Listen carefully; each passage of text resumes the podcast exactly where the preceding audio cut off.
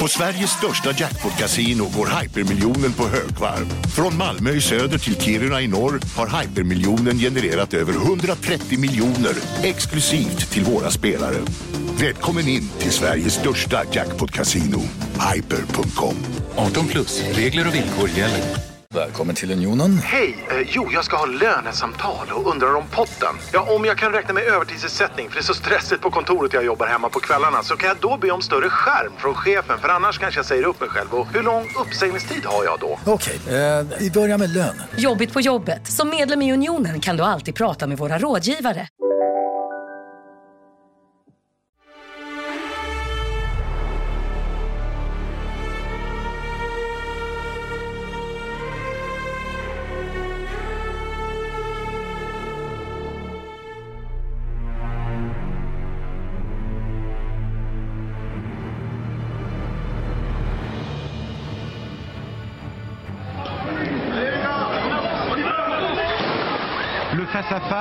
Circonscrit à une avenue du centre-ville, a duré moins de deux heures. Deux à 300 jeunes masqués bombardent de projectiles des CRS qui ont visiblement reçu des consignes de retenue. C'est probablement dans ces instants qu'a claqué le coup de feu. Également sur le terrain, ceux qui dans la journée avaient vainement tenté l'apaisement.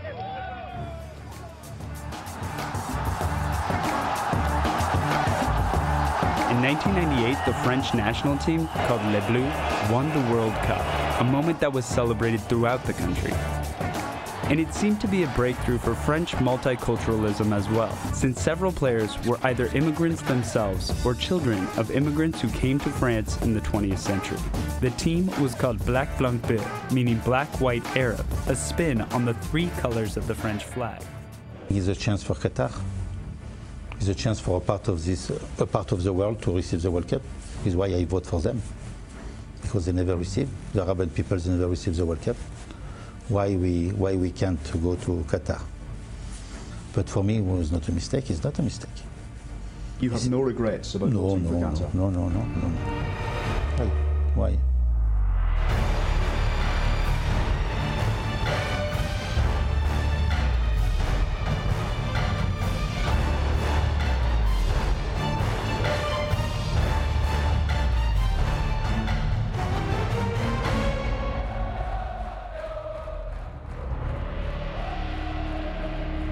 Huliganism och rasism bland fansen är ett problem som många fotbollsklubbar världen runt har tvingats slåss mot. Högriskmatcher där polisen måste hålla de olika lagens fans ifrån varandra finns i nästan alla ligor. Men vad händer när kriget mot andra klubbar istället blir ett inbördeskrig? Tänk dig en fullpackad arena där kortsidornas ultras håller på samma klubb men hatar varandra så mycket att de vill döda. Där varje hemmamatch är en potentiell bomb, inte på grund av hatet mot bortafansen, utan på grund av hatet inom sin egen klubb. Idag ska vi prata om ett stort lag med unika problem. Ja, vi ska prata om en stor klubb med unik historia. För även om det precis just nu har varit slutspelstider i Champions League så är det ju inte alltid så det har sett ut för Paris Saint-Germain. Det har funnits, ja, inte bara en tid innan detta. Det har funnits många olika tider innan detta. Men idag ska vi visserligen göra någon typ av historisk genomgång, men vi ska ju fokusera på den väldigt speciella och extremt såriga tid som PSG gick igenom precis innan pengarna från Qatar öppnade dörren till en annan värld. Och det som ska bli sagt redan från första början, det är ju att PSG alltid har varit en ovanlig klubb. Det är ju i jämförelse en väldigt ung klubb och det är även en klubb som varit en typ av politiskt projekt ända från första början och som sen har tagit olika skepnader längs vägen. Men ska vi börja för 50 år sedan när PSG grundas? Ja, det ska vi göra. Eller vi kan väl egentligen börja till och med för 52-ish år sedan. Då befinner vi oss i 1968 verkligheten i den så kallade 68-rörelsens efterdyningar och eftersvall.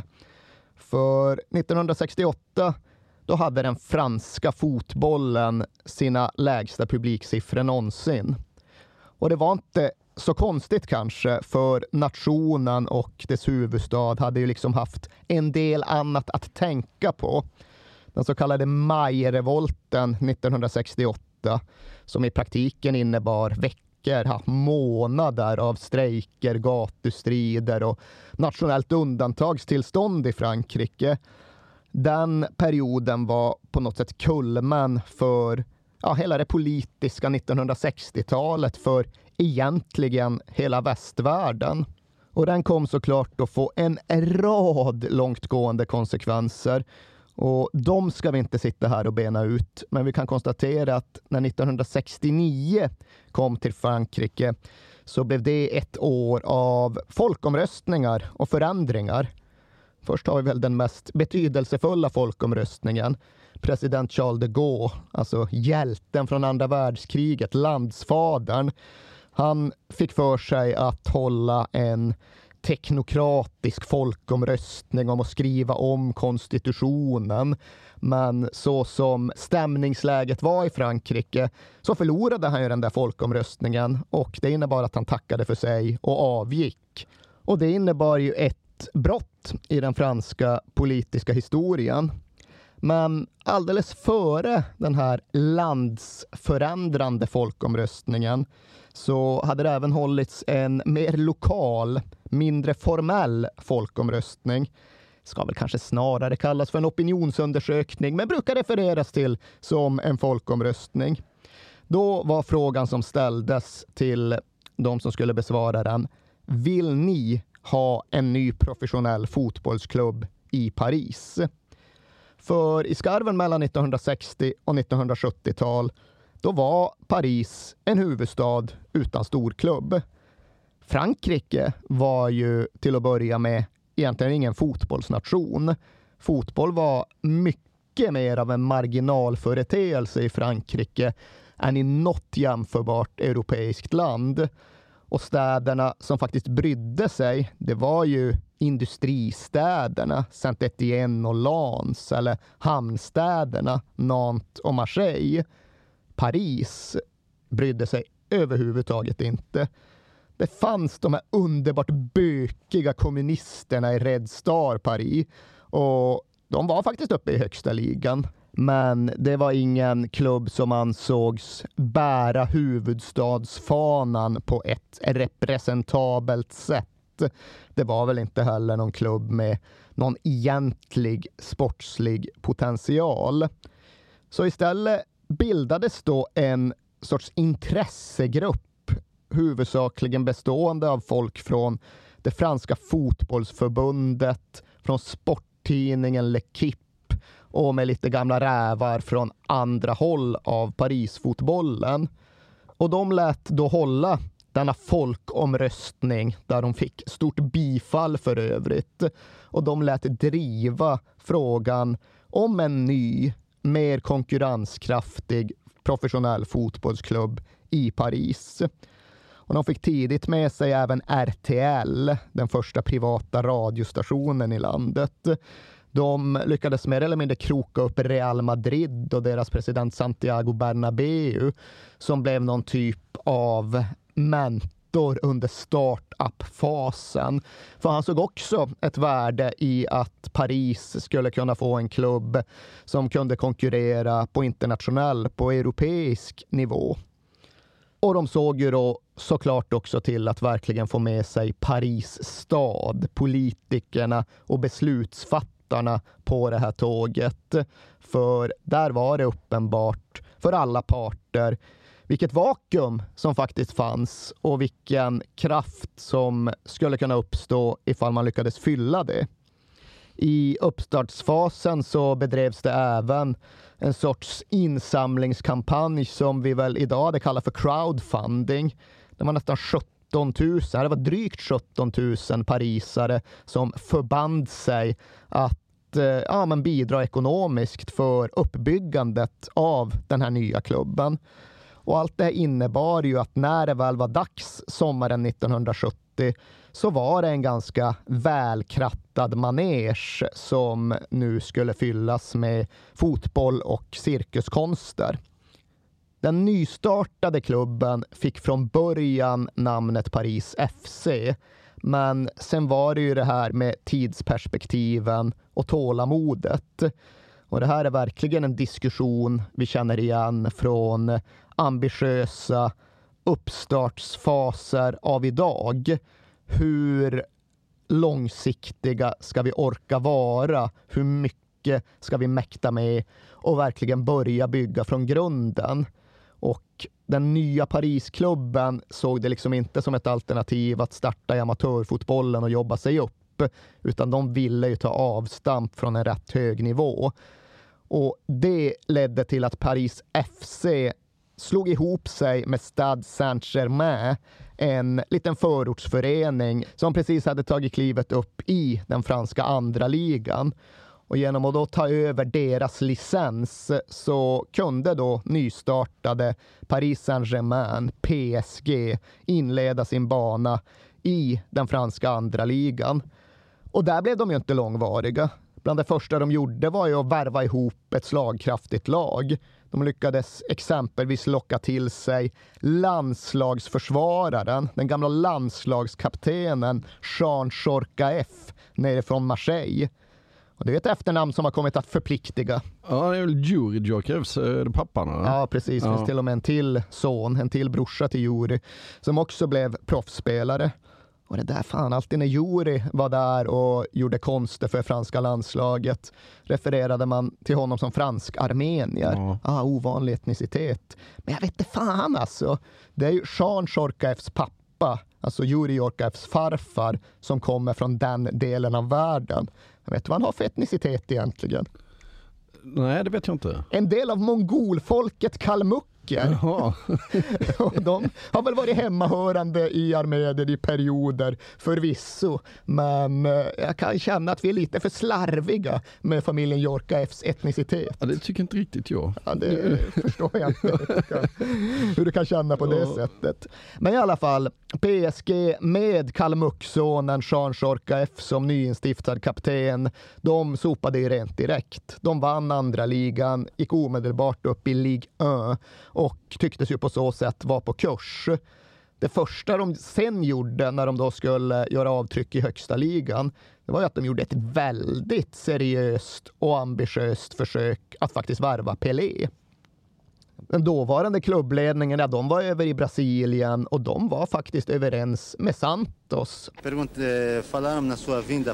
On a parlé récemment de votre venue en France pour jouer au Paris Saint-Germain. Était-ce sérieux? Effectivement, il y a eu des contacts entre les dirigeants parisiens et moi-même.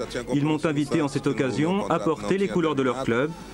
Mais mon contrat avec Santos n'était pas terminé et j'ai toujours exprimé le désir d'achever ma carrière à Santos, le seul club que j'ai connu. Men det hela föll på att Pelé själv inte var så sugen på det här okända, nyuppstartade projektet i Paris provinser. För det var ju faktiskt det det lite var frågan om och det var lite där som saker och ting kom att stöta på ett första rejält hinder.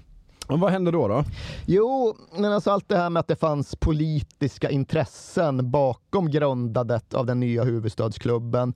Det utgick i rätt hög utsträckning från viljan att hitta en stadig hyresgäst till nyrenoverade Parc des Princes.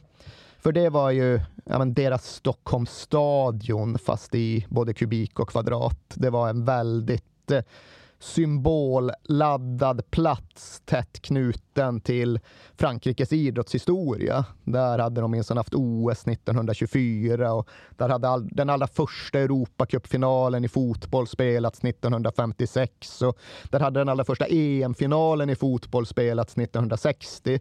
Men nu skulle den då gå igenom en omfattande renovering. Den skulle i praktiken knackas ner och byggas upp på nytt. Och då var frågan vad som egentligen skulle bli syftet med den arenan på andra sidan ombyggnationen. Och då tyckte ju Paris politiska ledning att den här nya ambitiösa fotbollsklubben, ja men det lät väl kanon till en början. Men då hade de inte riktigt varit med på remisståget när det blev frågan om det här med att ta över Stade Saint-Germains elitlicens eller ligalicens. För alltså Saint-Germain, det är inte Paris. Det går ju att missuppfatta och tro att det är Paris på det sätt som vi var tvungna att diskutera igenom. Ja, som jag hade missuppfattat ja. För du trodde ju att, att Saint-Germain syftade på det här liksom intellektuellt existentialistiska kvarteret inne i stan. Jävligt Porsche ja, Saint-Germain-de-Pré heter det. Ja. ja, nej det är ju inte det, utan det här är frågan om Saint-Germain Eulayer, eller ja. hur tusan det kan tänkas uttalas. Och det är ju då alltså inte en förort utan en förstad flera mil väster om Paris. Och när då den här nya klubben spelar under namnet Paris Saint-Germain så är det lite som att en nystartad Stockholmsförening, vad ska man säga, Stockholm Kungsängen. Ja, ja. De glider runt och spelar under namnet Stockholm Kungsängen. Och det var inte riktigt den typen av signalvärde som politikerna hade tänkt sig. De tyckte det här var dåliga optics, så de började ju ställa krav här och eh, lät helt enkelt meddela att ja, men så här kan vi inte ha det. Tanken var ju att ni skulle heta Paris FC och bli den långvariga hyresgästen, hemmaklubben på Parc des Princes. På lång sikt så skulle ni bli klubben som förde namnet Paris ut över världen genom fotbollen på ett sätt som aldrig skett förut. Så ja, det här får ni ju bara lösa. Och allt det här höll på att innebära slutet för klubben innan den ens hade kommit igång. För det blev en splittring. Det blev ett uppbrott. Det blev liksom omröstningar hit och omröstningar dit. Och till slut så blev det så att ett Paris FC gick en väg och ett Paris Saint-Germain gick en annan väg. Och till en början verkade det ju sannoliken vara Paris FC som var vinnarna. De fick spela kvar i Ligue 1. De fick spela kvar på Parc des Princes. Medan de här som höll i tanken om Paris Saint-Germain, om PSG, att de tvångsnedflyttades ner till trean och fick påbörja liksom någon nomadtillvaro där de flackade runt mellan olika förortsplaner i Paris provinser. Och där hade det verkligen kunnat ta slut. Eller där hade det kunnat bli en helt annan berättelse om just hur Paris FC var klubben som lyckades där ingen annan tidigare hade gjort det. Men sen kom 1973 och sen kom räddningen för PSG i form av ett konsortium av lokala affärsmän som gick ihop under paraplynamnet de rosa skjortornas gäng. Ja. Och det är, ju, det är en benämning som man eh, inte bara ruskar av sig. Eh, och den benämningen säger väl en hel del om vilka det egentligen var som nu tog ansvaret för att göra något av drömmen om PSG. Det var ett konsortium som leddes av modemannen Daniel Hector. Ja, jag kan ingenting om Daniel Hector, men jag har läst mig till att han liksom ekiperade Brigitte Bardot och liksom var ett namn inom Paris modescen.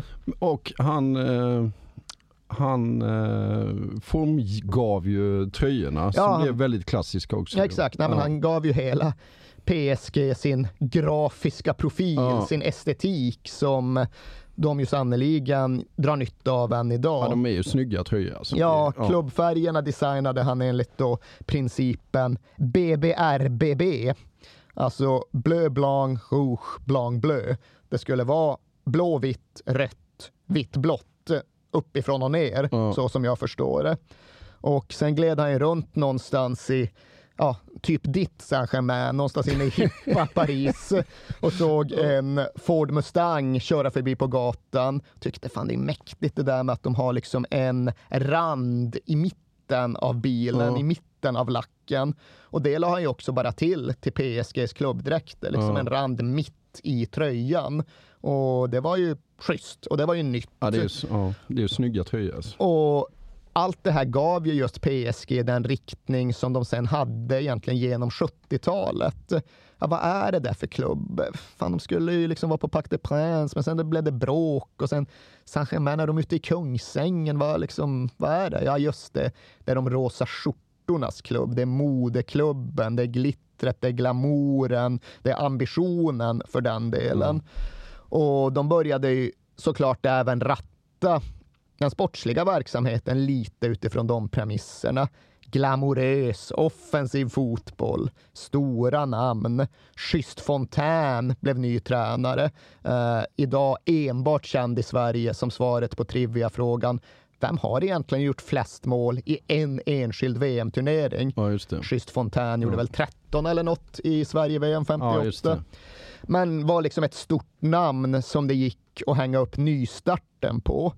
Och de hävde sig då uppåt från tredje divisionen och de bytte plats med Paris FC. Samma säsong som Paris FC åkte ur Ligue 1, då gick PSG tillbaka upp i Ligue 1. Och då var inte Paris politiska ledning sämre än att det kunde ändra sig. Den var inte mindre pragmatisk Nej. än att det kunde ta nya beslut. Jaha, vad fan, de där Paris FC, de åkte ur, ska ner i gärdsgårdsligan. Och sen kommer PSG med rosa skjortor och coola dräkter. Ja, men vad fan, vi byter. Ni får spela på Parc des Princes. Det blir nog bra det här med att ni liksom, ja visst, vi, vi kan ha överseende med att ni heter Saint-Germain i tilläggsnamn. Vi kör på det här. Ja. Därefter blev de ju en etablerad klubb i högsta ligan. Sen blev det lite rörigt där i slutet av 70-talet. Daniel Lecter blev inte indragen, han låg bakom någon sorts biljettskandal där eh, publiksiffror redovisades felaktigt och pengar försnillades och försvann och det tvättades väl en del kontanter också. Så han fick lov att avgå. Det kom in en annan rosa skjorta istället. Men kursen le- låg i grunden fast. Eh, efterträdaren Francisco Borelli, han var först i Frankrike med att liksom fixa riktiga VIP-boxar på långsidorna och låg på så sätt kvar i det här arvet kring den glamorösa huvudstadsklubben för det fina folket och de vackra människorna. Men han drev även igenom en förändring som skulle få en sorts långtgående konsekvenser vad gäller PSGs klubbidentitet som jag absolut inte tror att han själv kunde se framför sig. För det han gjorde det var ju att han ville ha upp publiksiffrorna. Som sagt, alltjämt en väldigt färsk klubb. Fem säsonger i högsta ligan, ish. Låga publiksiffror. Ja, men hur fan gör vi med det här? Ja, men nu har vi våra VIP-boxar på långsidorna. Kan vi inte göra så att vi sätter jättelåga biljettpriser? Kan vi inte till och med ha gratisbiljetter på kortsidorna för att locka till oss Paris unga? Jätte borde gå att få in horder av fotbollsintresserade ungdomar utan tidigare klubblojalitet så länge vi bara släpper in dem gratis. Ja, så gör vi. Så kör vi. Och på idéstadiet så är det en jävligt sympatisk och bra idé tycker jag. Ja, alltså det går ju att följa den hela vägen runt och det var ju på väldigt många sätt en bra idé. Eh, Den fick oerhört många positiva konsekvenser. Den gjorde PSG till klubben den kom att bli, men det var väl även en idé som krävde rätt noggrann uppföljning och en förståelse för vart det hela skulle komma att ta vägen. Ja.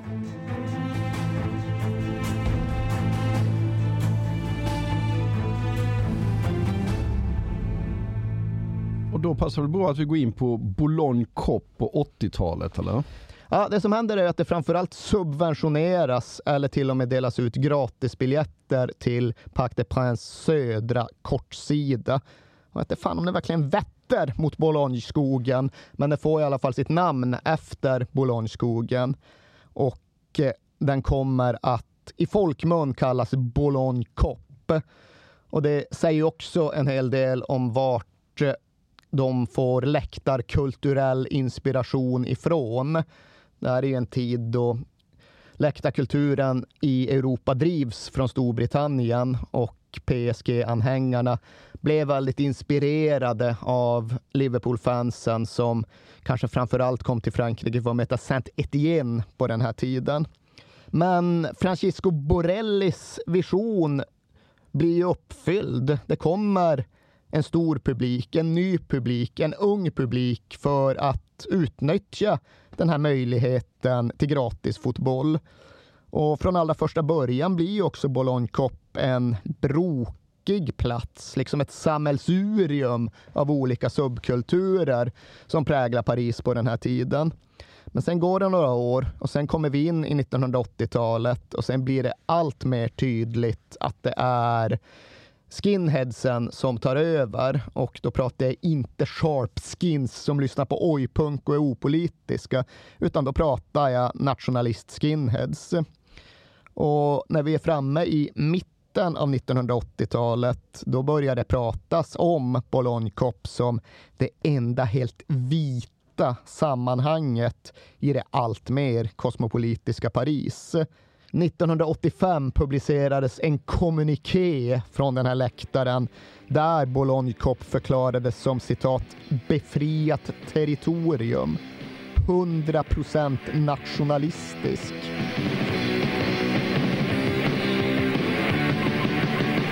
Skin, ça veut dire quoi exactement euh, Le skin, c'est un, une personne qui s'habille comme il le ressent et c'est un mouvement qui est national-socialiste et non pas un mouvement pour le nègre, ni le juif, et ni l'arabe.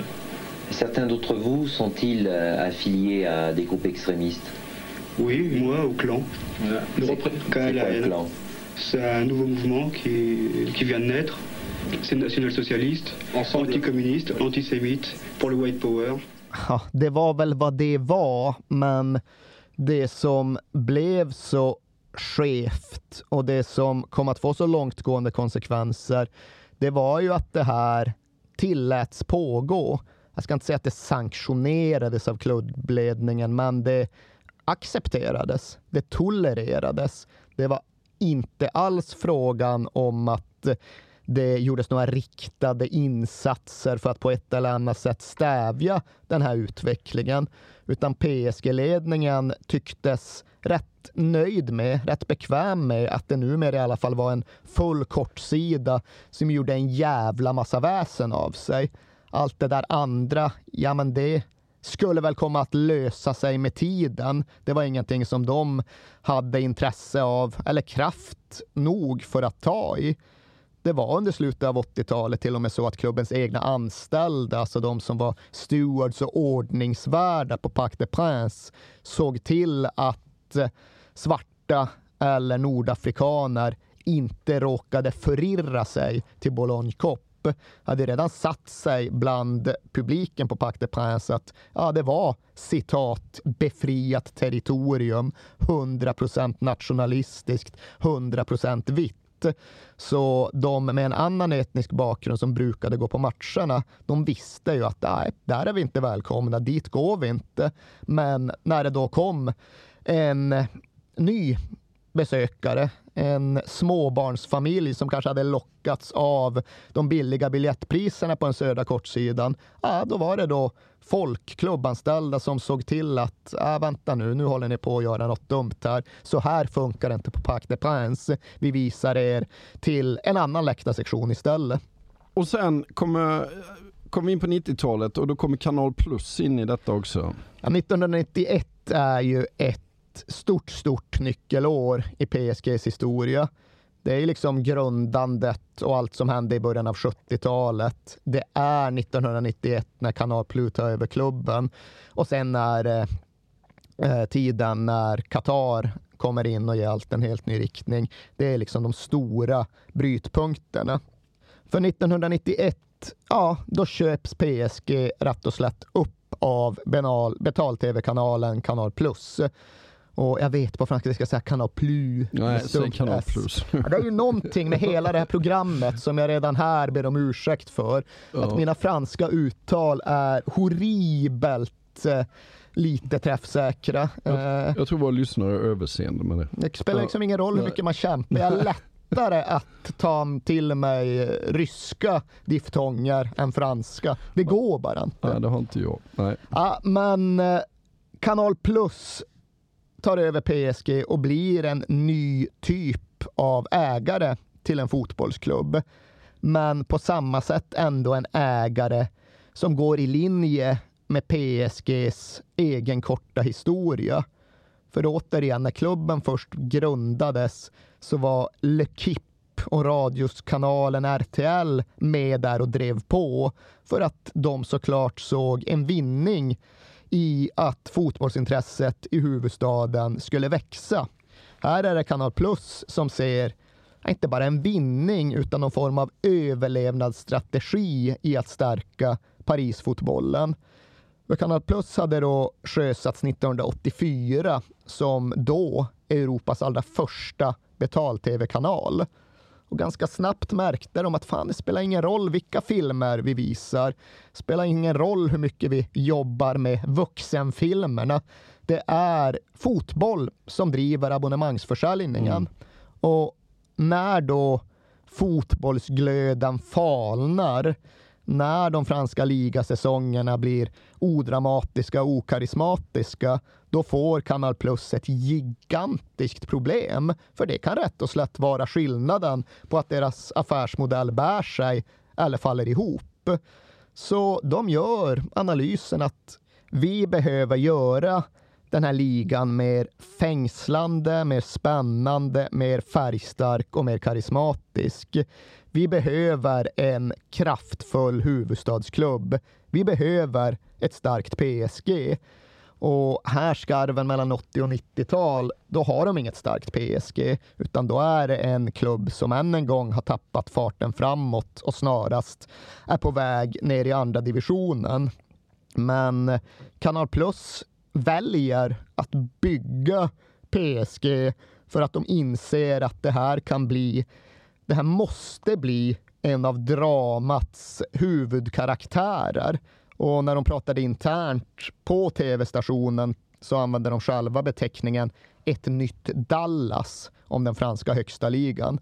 Det ska bli våran evighetskörare, en såpopera som aldrig tar slut, där man just följer karaktärerna genom årtionden. Det var det som var tanken och visionen. Ja, det var verkligen ingen dum analys skulle jag säga. Nej, och eh, ganska liksom häpnadsväckande tidig. Mm. Det var ju liksom Premier League existerade inte, Sky TV fanns inte. Det var liksom inte en fråga om att sälja abonnemang genom fotboll på det här sättet, utan Canal Plus var ju vägvisaren för hela det här tankesättet och kan på så sätt verkligen säga, säga sig vara en central aktör i formandet av hela vårt moderna fotbollslandskap. Och även här såg de såklart till att få med sig Paris statsledning på tåget. För även om det inte var själv, samma människor som styrde Paris i början av 90-talet som i början av 70-talet så var ju deras vilja någonstans densamma. De ville ha sin stabila hyresgäst i Parc des Princes och de ville ha sin fanbärare för det parisiska som hemskt gärna fick börja ta sig ut i Europa nu. Det, liksom, det blev inte vad de hade hoppats på med en klubb som mest liksom hackade lite grann på den nedre halvan av franska högsta ligan. De ville ju ha en europeisk spelare och maktfaktor. Så absolut, de gick med på att stryka alla PSG-skulder, investerade 30 miljoner franc eller vad det nu var, bara för att göra sitt, för att ge ny energi till PSG-projektet.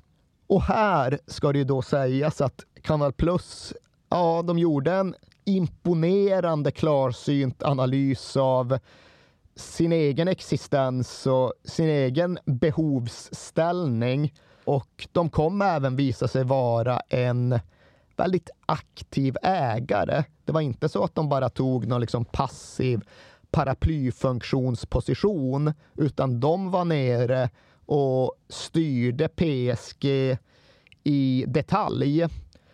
Och det är ingen detalj hur läktarlivet ser ut, men det var någonting som Kanal Plus aktivt kände att ja, men det här måste vi göra något åt. Vi tänker inte fortsätta som det förra PSG-styret som bara struntade i att den ena kortsidan var mer eller mindre högerextrem, att det var en no-go zone för folk med annan etnisk bakgrund, utan de ville förändra demografin på Parc des Princes. Och sen går det att ifrågasätta ifall de gjorde det på rätt sätt, för de gick inte in och liksom stökade med och bröt upp Boulogne Cup, utan det de istället valde, det var att okej, okay, men vi jobbar inte med den kortsidan som redan har fått sin profil, för det verkar rätt kämpigt. Vi ser istället till att bygga upp den andra kortsidan den norra kortsidan som dittills mest hade varit ja, bara en läktare Ja. utan egentlig identitet och profil, någon form av familjeläktare kanske.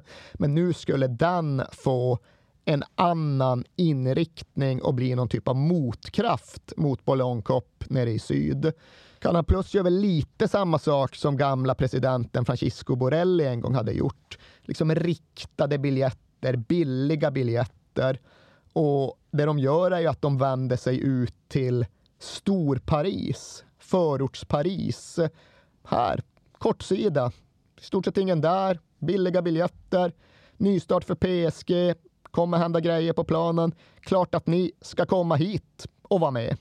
Och på så sätt så föddes egentligen kortsidan Auteuil, som vi väl ungefärligen uttalar det. Ja, vi säger så. Ja. Eh, och det kom ju att tidigt ge Parc des Princes en unik karaktär. Men det kom ju med tiden att leda till en fullständigt definierande konflikt. För snabbt blev det ju så att de här kortsidorna kom att se ut och fungera på helt olika sätt. Ballongkopp, som sagt stöpt i gammal brittisk läktarkultur. Auteuil vände sig mycket mer söderut, ner mot Medelhavet, italiensk läktarkultur, tifosikultur. Det skulle just vara ultras mentalitet och det skulle vara pyroteknik och det skulle vara tifon på ett sätt som Boulogne Cup aldrig riktigt hade brytt sig om. Nej. Där var det mer liksom unison allsång och halsdukshav som var grejen. Och till en början så blev ju det här bra. Fan, Parc des Princes på 90-talet var en grym arena och det bidrog verkligen med något i dynamiken. Att det fanns de här två kortsidorna med varandra, mot varandra, som innebar en explosiv dynamik. Det är någonting med Frankrike just att flera av storklubbarna har två kortsidor som lever sina egna liv och sen lite då och då förenas i växelsång. Det har alltid varit en stor del av anledningen till att det är så jävla mäktigt att gå på fotboll nere i Marseille. Att de har det här samspelet mellan två olika hemmaläktare, två olika kortsidor. Fast den kanske inte är rasindelad i Marseille. Nej, Marseille är ju en annan typ av stad och Marseille har absolut haft sin rivalitet kortsidor emellan, men det var ju det här var enligt helt andra stridslinjer. Men innan vi kommer dit så ska vi bara konstatera att just 90-talet, mitten av 90-talet, det är nog fan den lyckligaste tiden i hela PSGs Ja. historia. För då var det ändå harmoniskt och det var inte en arena som egentligen präglades av konflikt utan det var en arena som präglades av mångfald. Och det var ju ett lag som verkligen fick precis den här farten som Canal Plus ville ge dem. Semifinal i Uefa-cupen 93, franska ligan 94, semifinal Champions League 95, vinner cupvinnarcupen 96. Ah, c'est une bonne distance hein, peut-être pour euh, Ngoti, la frappe et le but But de Bruno Ngoti qui ouvre le score ici à Bruxelles en finale de la Coupe d'Europe. Ngoti englouti par ses coéquipiers. Vous le savez, en Coupe d'Europe, souvent celui qui marque le premier s'en sort bien à l'arrivée. och så lite franska cuptitlar på det. Här var de ju det de hade sagt sig vilja vara. Här var de klubben som tog Paris ut i Europa, ut i världen och som faktiskt även representerade Paris på ett på ytan rätt välfungerande sätt. Ja, men det man slås av, eh, alltså när man sitter och läser detta med Kanal Plus, det är ju faktiskt att Ja, vi har ett gigantiskt problem på vår arena för att det, det sitter massa rasister på en läktare. Hur löser vi det problemet? Ja, det, det, det borde ju lösas genom att man bryter upp den. Jo. eh, Men istället så flyttar man över alla som inte vill vara där till en annan sida och det känns ju lite naivt så här i efterhand. va? Med facit i hand 100 procent. Det, det som ja, just kan sägas, det är väl det där att ja, på idéstadiet var det en så jävla bra idé. Men när de väl körde igång så var ja, men det här funkar ju. Som Ja. sagt, 90-talet, folk som var med då, det spelar egentligen ingen roll om det var norra eller södra kortsidan eller långsidan. Alla hänvisar till 90-talet som den bästa tiden de haft i sina liv. Stämningen var kanon. Det var absolut en liksom, hotfullhet i luften, men den kanaliserades ändå mot motståndarna Ja. snarare än mot varandra under egentligen hela 90-talet. Sen går det ju som sagt i historiens ljus sitta och säga att fan, det var väl helt uppenbart att det här var en jävla tickande bomb. Ja. Men under 90-talet så gick det fortfarande att gå visslande genom Parisnatten och låtsas som att det inte alls regnade. Nej, och jag har ju naturligtvis inte varit där, men du har ju naturligtvis varit där. Men när var du där första gången? Ja, det var ju lite senare. Vad kan det ha varit? 2003-ish Ja, någonting. Men det känns som en jävligt schysst arena. Ja, alltså det är ju det blir ju skevt när man tittar på Pac de Prince idag, när man tittar på PSG idag. Mm. Och det är väl en stor anledning till att vi gör det här avsnittet, att försöka förklara att det var en annan klubb förr, även om viss en del av tankegodset går att känna igen. Men det var framförallt en helt annan fotbollsupplevelse.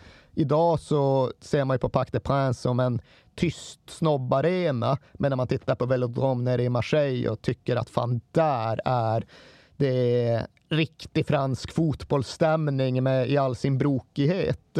Men Pac de Prince var ju fullt jämförbar i stämning, i brokighet Ja. Under många år. Och sen är det ju också en sån där sak som blir väldigt fel att säga i historiens ljus. Men för den enskilda fotbollskvällen när man åkte dit som besökare, den här laddningen Ja. som låg i luften, som man kanske inte riktigt visste vad den berodde på och som inte gick, riktigt gick att ta på, den tillförde ju någonting. Ja men den vill man väldigt gärna ha. Det fanns faktiskt. ju en elektricitet Ja. i luften runt PSGs matcher under, ja, så som jag förstått det 1990-talet och så som jag upplevde 2000-talets första årtionde som ofta glöms bort helt idag.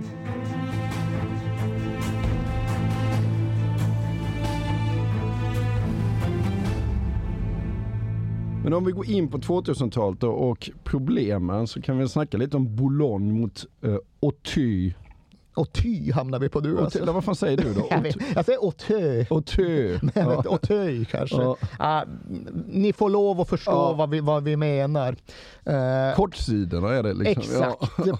Men alltså, så här, jag gick på fotboll i Paris 2003 första gången och det var precis när allt skulle braka loss. Och det går att sätta ner fingret och säga här är den verkliga startpunkten. Och när man gör det så pekar man på den 20 maj 2003. För då har då Kanal Plus varit ägare i mer än ett årtionde. Hela den här idén med två etniskt olika kortsidor, ideologiskt olika kortsidor, hade ändå fungerat oväntat bra i mer än ett årtionde. Men Otöj, den norra kortsidan, den färska kortsidan, den hade ju vuxit snabbt och den hade fått sina ledarfigurer och sina centralgrupperingar med sina läktarambitioner. Och den ledande gruppen på Töj, det får väl sägas vara ultrasgänget som kallade sig själv för Tigre Mystique. Om nu det är det korrekta franska uttalet. Tigris Mystic hade man sagt med en bra försvenskning. De hade i allt högre utsträckning liksom kommit att diktera villkoren på Auteuil. Och den 20 maj 2003 då firade den gruppen sitt tioårsjubileum. Och det är verkligen inget ovanligt med den premissen. Det är var och varannan helg så att någon betydande ultrasgrupp har nått jubileum på någon arena ute i Europa.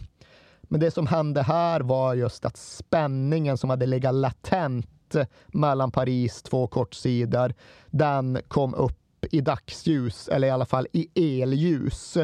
För de hade ett utdraget tioårsfirande. Hela den här matchen kom att ramas in av det. Och jag tror de hade sju olika jättelika budskapsbanderoller som vecklades ut under olika delar av matchen.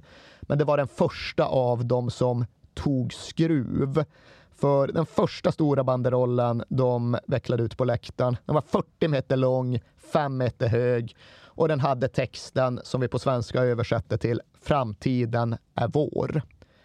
Och det tolkades på den andra kortsidan som, vänta nu här, vi är the originals här. Det var vi som förde läktarkulturen till PSG i slutet av 70, början av 80-talet. Det är vi som har satt agendan under alla dessa år. Och nu kommer de här och säger att framtiden är deras, att de ska ta över, att de ska bli herrarna på läktartäppan. Det var så det tolkades, det var så det kontextualiserades. Man kan ju tycka att det var inte så allvarligt ändå. Det är Man inte sådär fuck you, utan det är liksom... Nej, det är ingen öppen stridsförklaring. Nej, nej. Ifall det är en stridsförklaring så är den liksom dold i någon form av undertext.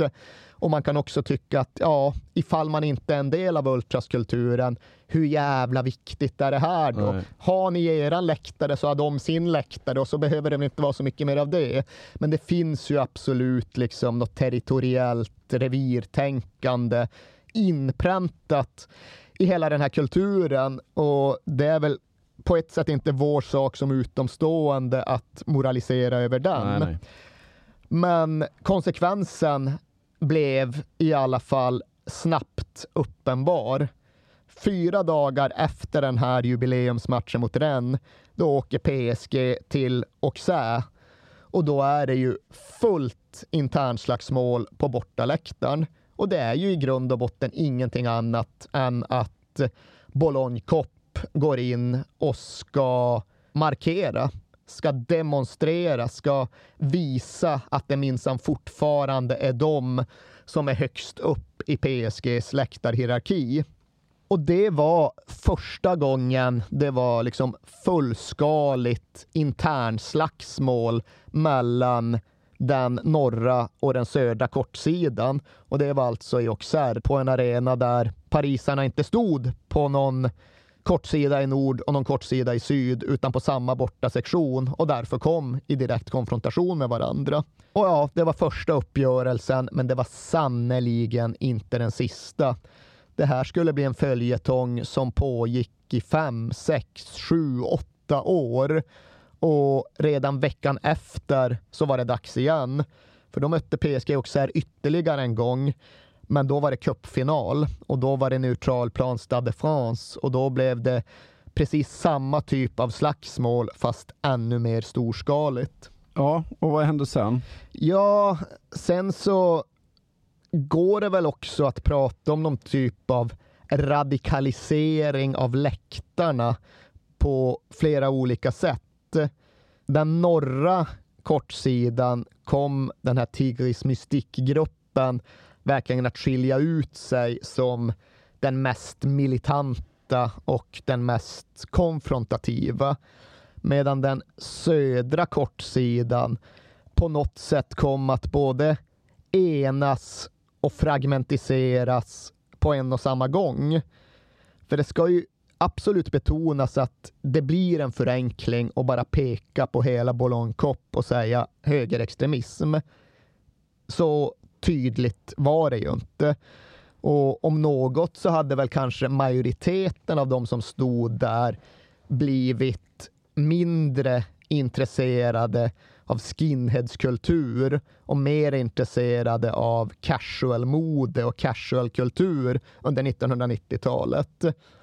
I Sverige brukar det ibland pratas om vissa läktargrupper som opolitisk höger, vad nu det är. Och det är väl möjligt att Boulogne Cop skulle kunna gå att kategorisera på ungefär det sättet. Många utgick från ja, men en sorts casual-kultur som ofta gjorde en poäng av att säga sig vara opolitisk. Men det var ändå så att någon form av nationalistisk helhetssyn rådde på Boulogne Cop och det var absolut också så att den härbärgerade direkt extremism. Sommar 2002, då var det ju ett, ja, men ett mordförsök på Frankrikes dåvarande president Jacques Chirac. Mm. Alltså en sån Kennedy-situation. Han var ute i någon bil och vinkade för det var eh, Bastilledag, alltså nationaldagsparad. Och då var det något eh, nazistiskt snille som stod i någon skogsslänt och ja, men sköt mot Chiracs bil. Sen var han så usel så han var aldrig ens nära att träffa. Mm. Men när han väl greps så visade det sig det vara en gammal stammis från The Cop. Och han var ja, men nazist och det var inte så att det var enbart hans fotbollsliv som definierade honom, men det gick hand i hand med hans politiska liv. Det liv som ledde att han stod, till att han stod med ett jävla gevär och sköt på Jacques Chirac. Och i mars 2004 så brann det två moskéer i en fransk stad som heter Annecy. Och när de väl samlade ihop de skyldiga för det brottet så nog fan visade det sig att en av de dömda där också var en nazist från The Cop. Så de fanns där och även om de inte var själva kärnan, det var mer liksom Bologna Boys, en casual-grupp, så var de alltid välkomna där. Och de allra mest extrema personerna på The Cop, de kom lite grann att bryta sig loss utan att bryta sig loss. Medan liksom stämningen drevs av Bologna Boys på övre etage så stod ja, men nazisterna som heilade nere på nedre etage. Och de hade inte sin egen ultrasgrupp eller sin egen firma, utan de var en mer lös sammanslutning som kom att refereras till som Le Independants, alltså de oberoende, Ja. de självständiga, de som ingen jävel hade riktig koll på. Och det var inte så att det bara gick att ringa in en ultrasgrupp så var det klart och uppstyrt, utan här var det liksom 50, 60, 80 man som kom från olika håll och helt plötsligt bara gick samman för en fight eller en uppgörelse en dag och sen kunde de splittras upp och gå åt varsitt håll igen. Det var en mer löst sammansatt gruppering. Jo, men, och det är det som gör det så jäkla komplicerat när man läser om det också. För att det är två kortsidor, men i de kortsidorna så är det massa olika gäng. Ja men så är det på alla kortsidor. Ja, men- jo, men I stort är sett. det- liksom. är det så verkligen? Ja. Ja. men alltså, så här stora kortsidor som det är Ja. frågan om, där har det ju i stort sett alltid ja, men ett dussintal olika ultrasgrupper med olika profilering, med olika fokusområden och för den delen med olika ideologisk profil och med olika förhållningssätt till våld. Så just det är inget unikt för Paris, men eh, hela händelseutvecklingen får i hög utsträckning sägas vara. Så det finns absolut kortsidor där det har förekommit maktkamper både förr och senare. Mm. Liksom, det finns ju exempel på derby nere i Belgrad när Partisan åker på bortamatch eh, mot Röda Stjärnan och polisen tvingas delas upp Partisan-kortsidan i tre helt separata sektioner för att det just är inbördeskrig och maktkamper olika falanger emellan. Men just det här med att det i grunden ändå två kortsidor mot varandra på etnisk ideologiska grunder. Det har i alla fall inte jag sett någon motsvarighet till.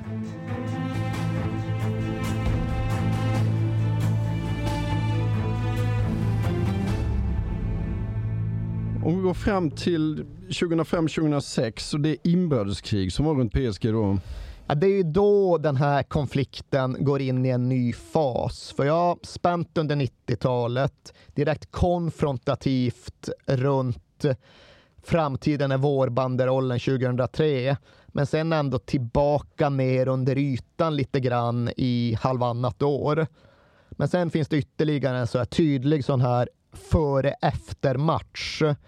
Och den spelades den 24 september 2005 då PSG åkte till Le Mans för att spela bortamatch. Och den slutade 0-0 och det var verkligen ingenting att säga om själva fotbollen. Men under pausvilan så blir det bråk.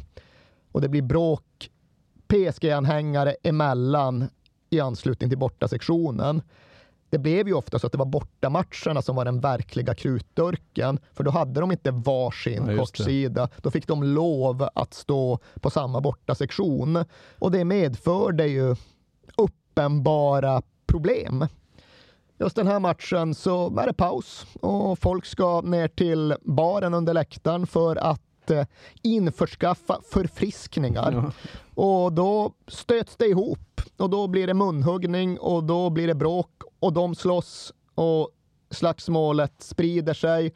Och snabbt blir det just de här skiljelinjerna där den nationalistiska kortsidans företrädare står mot, slåss mot den eh, multikulturella kortsidans eh, representanter.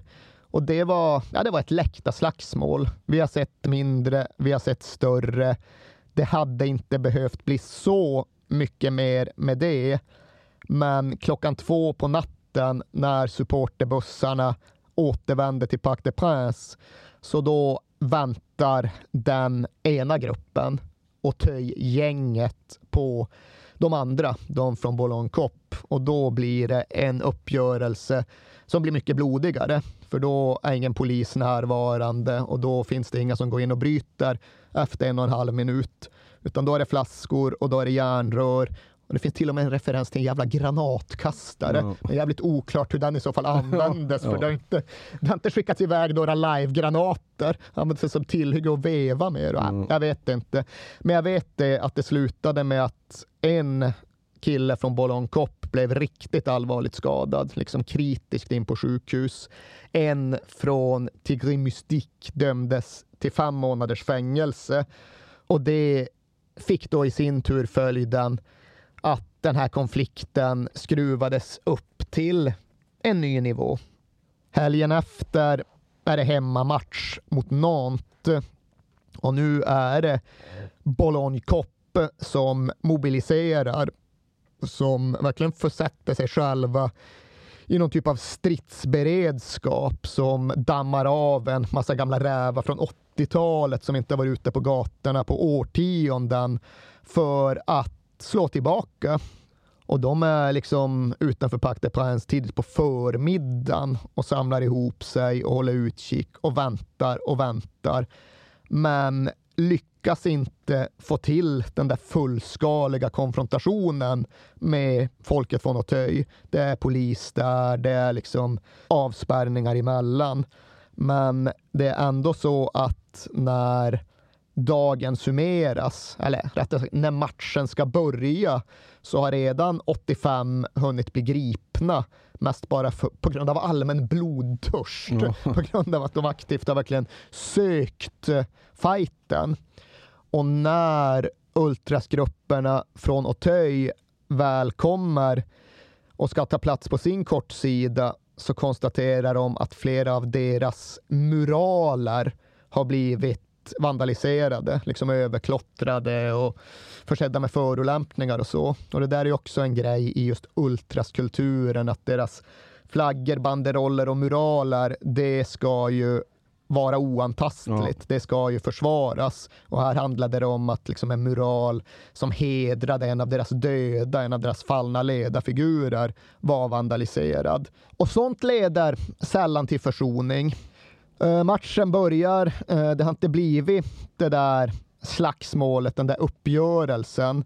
Men från Boulogne Cop så vecklas det nu ut en stor budskapsbanderoll som är direkt riktad mot kortsidan tvärs över plan och till den specifika ultrasgruppen där. Tigris Mystik manipulerade av CNT, skyddade av PSG. Och det är ju då inom ultraskulturen en väldigt allvarlig förolämpning och anklagelse. Dels ska de då vara skyddade av klubbledningen. De ska gömma sig bakom dem. Och det här är ju grupper som verkligen slår vakt om att vara fristående, självständiga och oberoende. Ja. Och dessutom så fanns ju då den där referensen till CNT. Och det är, vad fan är det egentligen? Anarkosyndikalisternas Jaha. fackförbund i Frankrike, typ. Jag kan ha någon liten nyans eh, fel här, Men det är då en hänvisning till att Trigis Mystik ska ha liksom tillåtit sig själv att svepas in i politiken. Det är väldigt politiskt Frankrike. Alltså, det är väldigt politiskt med allt. Ja. Det är Frankrike är politisk, fotbollen är politisk, ultrasrörelsen är jättepolitisk, Ja. men de har ändå någon form av så här ridderlighetsideal som ofta utgår från att det minsann ska vara opolitiskt. Det går väldigt sällan att följa hela vägen till slutet, men det är fortfarande liksom en väldigt kraftfull förolämpning och anklaga en ultrasgrupp att styras av och manipuleras av politiska intressen. Och det är en extra allvarlig förolämpning för att den kom under just den här tiden, hösten 2005, då den politiska situationen i Frankrike var på väg in i en helt ny fas. Och det finns ju fler exempel på hur fotbollskulturen och politiken blandas ihop den här hösten. Ja, på väldigt konkreta och tydliga sätt. För nu tar vi match för match lite under den här fasen. Och nästa hemmamatch PSG spelar mot Nancy den 22 oktober, den föregås av att eh, självaste Nicolas Sarkozy infinner sig på Parc des Princes. Och det är i sig inte ovanligt, för Nicolas Sarkozy är en väldigt engagerad PSG-anhängare. Har varit med nästan ända sedan starten på 1970-talet, men nu kommer han ju i en annan roll, i, ett egens, i egenskap av ett annat ämbete. Jag vet inte, behöver man introducera Nicolas Sarkozy Nej, det för man inte. tiden? Ja, det behöver man fan inte. Men under den här tiden så var han väl inrikesminister och Under sen den här blev han tiden president. var han inrikesminister. Han skulle komma att bli president, men han var då en lokalpolitiker som var väldigt insyltad i och runt PSG. Mm. Han var verkligen en av de här som, inte på 1970-talet, för då var han 15-16 år, men liksom när Canal Plus tog över klubben så var han ju en av de här politikerna som var med och liksom kämpade. Jo, men det är klart att ni ska gå in. Mm. Ja, vi hjälper till från politiskt håll. Ligger i allas intressen med ett starkt PSG. Eh, och eh, då pratar han delvis som politiker, delvis definitivt också som engagerad PSG-anhängare.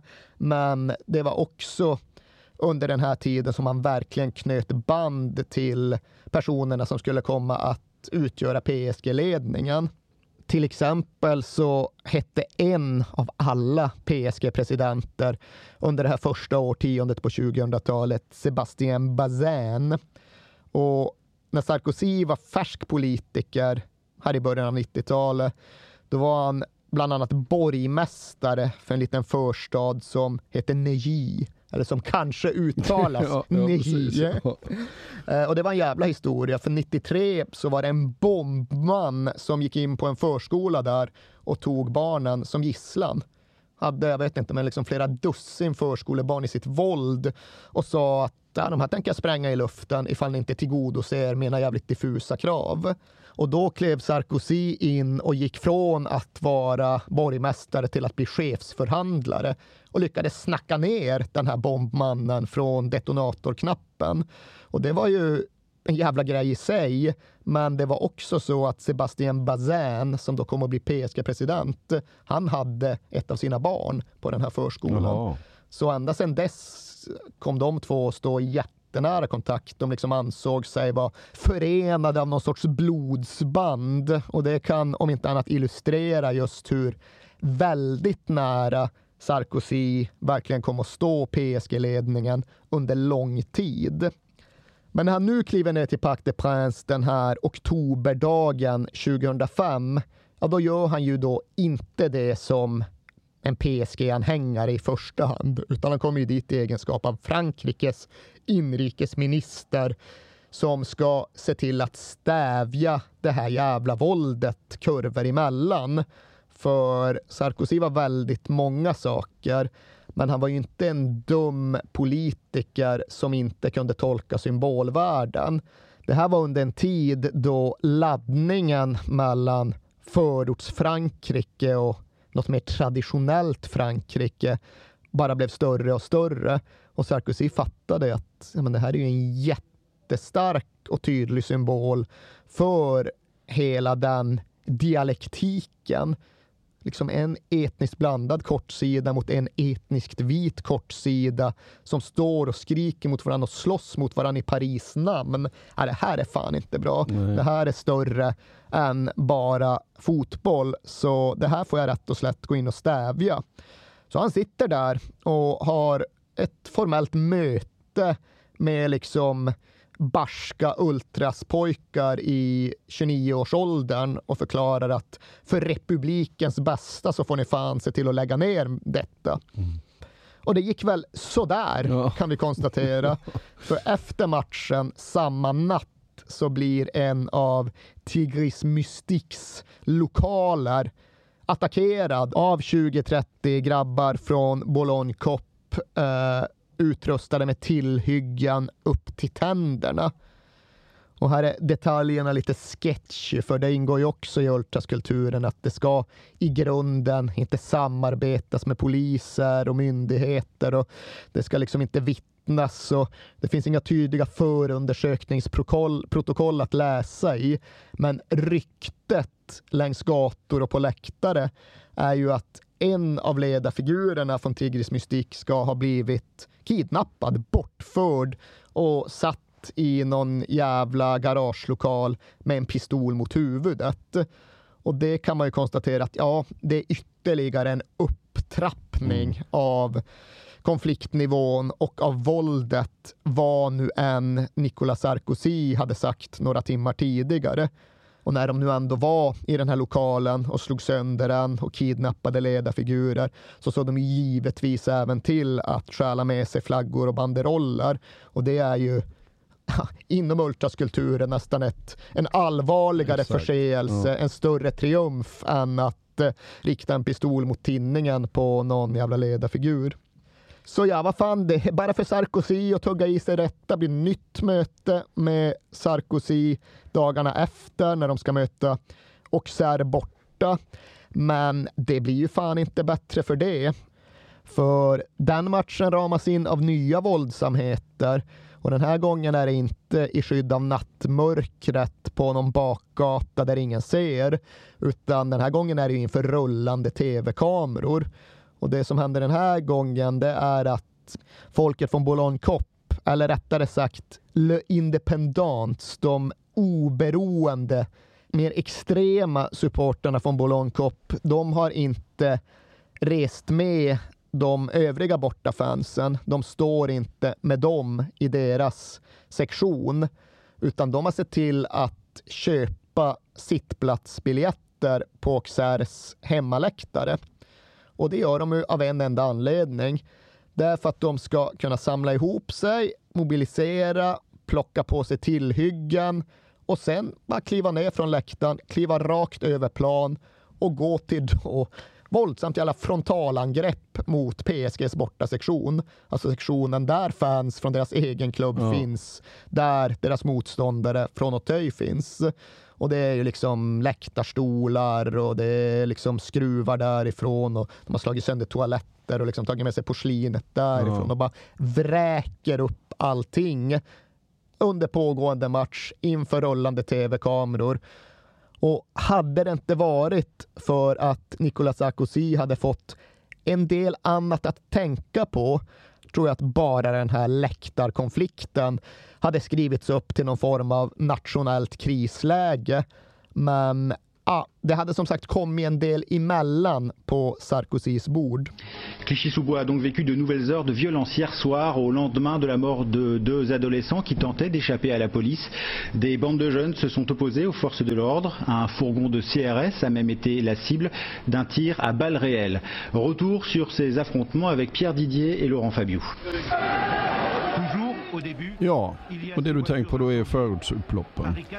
Exakt, för återigen, det här är en tid av spänningar i Frankrike. Det är en tid då det har diskuterats väldigt mycket om relationen mellan förorter och stadskärnor, mellan outsiders och etablissemang.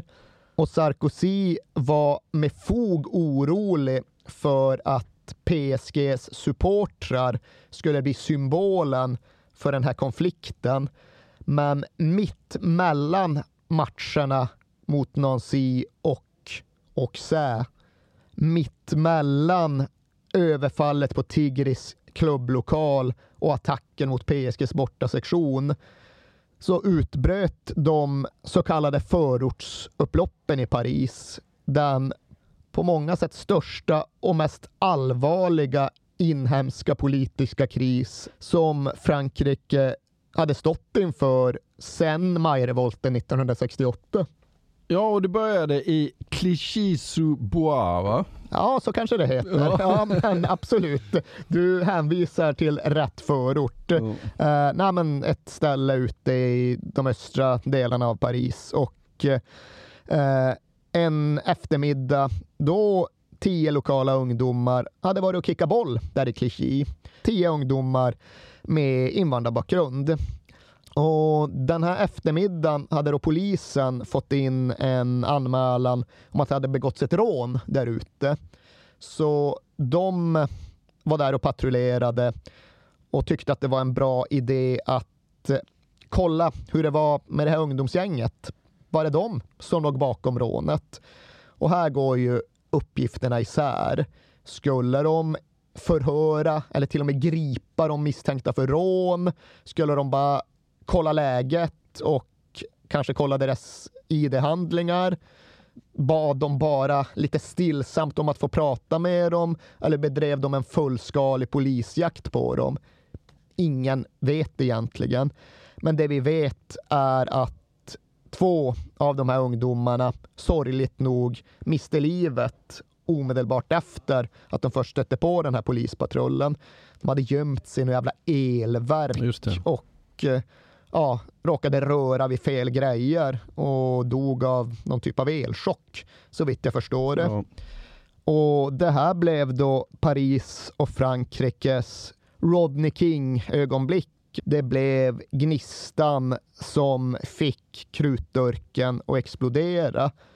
För i protest mot de här dödsfallen, eller rättare sagt mot hur förorterna upplevde att polisen, att myndigheterna, att Frankrike såg på dem och behandlade dem, så utbröt det ju demonstrationer, kravaller, upplopp som kom att sprida sig över hela landet och vara i veckor. Och i första hand så kom det här att landa på inrikesministerns bord. Det blev Nicolas Sarkozy som hanterade situationen från regeringshåll. Och det han gjorde, det var ju att från dag ett förespråka en väldigt brutal hårt mot hårt metodik. Han liksom pratade om nolltolerans och han pratade på ett sätt som slog över i regelrätt krigsretorik. Man kallar dem avskum. Ja, exakt. Ja. Han refererar till förortsungdomen som rakai, tror jag det franska mm. uttalet mm. blir. Och just avskum är väl det närmaste vi kommer ja. en svensk översättning. Han snackade om han skulle spola bort detta avskum från gatorna med högtryckstvätt ja, och liksom började förespråka omedelbar deportation av de inblandade som saknade franska pass. Mm. Och och han, ja, men, han drog verkligen upp stridslinjer mm. och han förklarade väldigt tydligt att antingen står ni på vår sida av den här stridslinjen eller så gör ni inte det. Och det finns liksom inga broar eller mellanvägar som går från den ena sidan till den andra. Och jag vet inte fan hur politiskt klokt det där var egentligen, mm. för det ledde ju bara till ökad konfrontationsvilja och eskalerande våld. Liksom familjerna till de här två döda tonårspojkarna, de vägrade ju träffa Sarkozy. Ja. Och ja, som sagt, det här pågick ju i veckor och blev mer och mer allvarligt, mer och mer okontrollerat. Och efter sådär två veckor, då fick dåvarande presidenten Jacques Chirac kliva in och liksom, ja, Ja du Nikola, det verkar inte som att du har lyckats stävja det här direkt så ja, jag får fan se till att utlysa nationellt undantagstillstånd. Mm. Och därefter så kom väl upploppen att gradvis klinga av. Men när det väl var dags att summera så stod de där med sådär 3000 gripna, ytterligare tre döda och ett politiskt klimat som hade förändrats på ett mer genomgripande sätt än någonting annat som hade hänt sedan 1968. Ja.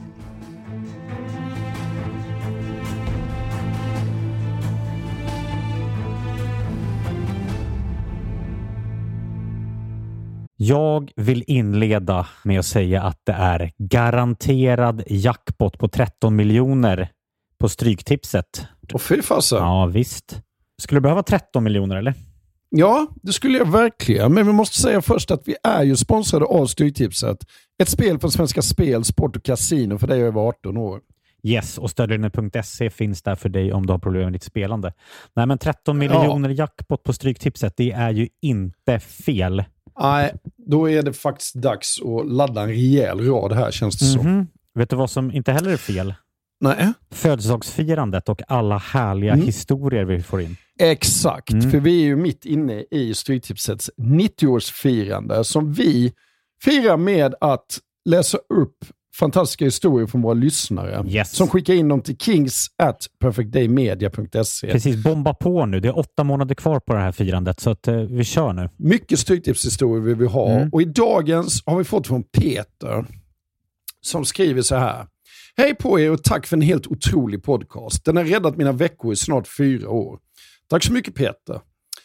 Min historia är ganska färsk, men den om när det vänder på stopptid gav kanske inte de största pengarna, men känslan i mig består. Jag spelar ofta för lite mindre pengar på Stryket, följer fotbollen men är långt ifrån en nörd. Och allt såg väldigt bra ut senast, förutom på min etta på Manchester United mot Brentford. Var ändå väldigt, eh, var ändå väldigt nöjd med hur resten satt.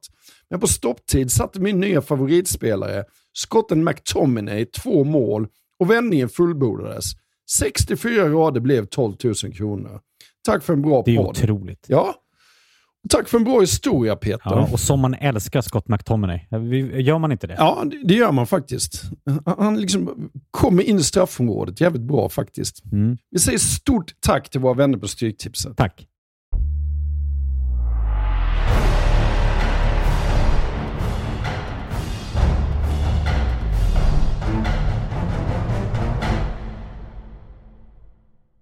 När vi ändå är här ute, ska, vi, ska, vi, ska du prata lite om Le Banlieue och fotbollen då? Ja, det ska vi absolut passa på att göra. För just det där begreppet Le Banlieue, som det eventuellt kanske Jo, uttalas. det måste det det är ju så centralt här. Det har ju kommit att bli det franska ordet för förort, men det rymmer ju så mycket mer än att eh, bara handla om liksom en, en geografisk plats på kartan. För Le Banlieue, ja men det är väl det går väl lite grann att jämföra med det svenska miljonprogrammet. Ja. Även om det är mycket mer storskaligt, mycket mer omfattande och arkitektoniskt mycket mer brutalistiskt så utgår ju den samhälleliga tanken från ungefär samma plats. Landet urbaniserades, städerna växte, det var bostadsbrist och en jävla massa folk behövde någonstans att bo snabbt. Frankrike hade ju dessutom såklart hela arvet från hela förstörelsen under det andra världskriget. Så där handlade det ju i mycket högre utsträckning om återuppbyggnad också. Därför kom det franska projektet att i hög utsträckning finansieras av Marshallplanen. Och det är ju en skillnad jämfört med Sverige. En annan är såklart att eh, de här förortsområdena i så väldigt hög utsträckning kom att befolkas av immigranter från kolonierna. Ja, just det. Och några sådana har inte vi haft. Nej, rätt stora problem hade de med dem också. Jo, men det är inte så jävla egendomligt för det är klart att ifall man kommer från en historia där Frankrike har förslavat ens folk, där Frankrike har bedrivit krig mot ens folk, ja då anländer man kanske till det nya landet med en lite mer kluven identitet och Jo. en lite mer kluven hållning till den nya statsmakten Jo. än man gör ifall man kommer som politisk flykting till Sverige från Kurdistan. Ja. Men annars så funkar det ändå hyfsat bra att använda den svenska förortsdiskussionen för att förstå den franska. Skillnaden är väl just bara det att den franska är mycket mer omfattande, mycket mer genomgripande och har liksom gått före allt det vi pratar om idag på det sättet vi pratar om det idag. Det var de inne i Frankrike under den här perioden, ja. början av 2000-talet. Och då, ja men med upplopp som var väldigt mycket större och väldigt mycket mer långvariga och väldigt mycket mer våldsamma än de vi har sett kanske i första hand ute på Järvafältet. Det går väl också att säga att fransmannen använder Le banlieuse ungefär på samma sätt som vi använder begreppet utsatt område. Ja. Men där ju skillnaden då är att eh, Sverige tror jag har 60 så kallat utsatta områden. I Frankrike har de 1300 förortsområden ja. som de då kategoriserar som prioritetsområden. Ja. 38% of immigrants to France settle in Greater Paris. Most end up in these areas, called banlieue. The French word literally means suburb, but it can also imply immigrant dominated ghettos. Over the years, these areas have frequently seen riots. They have high levels of unemployment, crime, and poverty and are in a crisis. Yet the banlieue continue to produce some of the most talented soccer players. That's because this is where France's immigration history meets its soccer system, and it's the reason why the city is the world's number one talent pool for soccer. Och med fotbollen då? Ja, den har funnits så väldigt närvarande runt allt detta egentligen längs hela vägen. För upploppen 2005 kom tveklöst att aktualisera debatten, göra den till en nationell prioritet.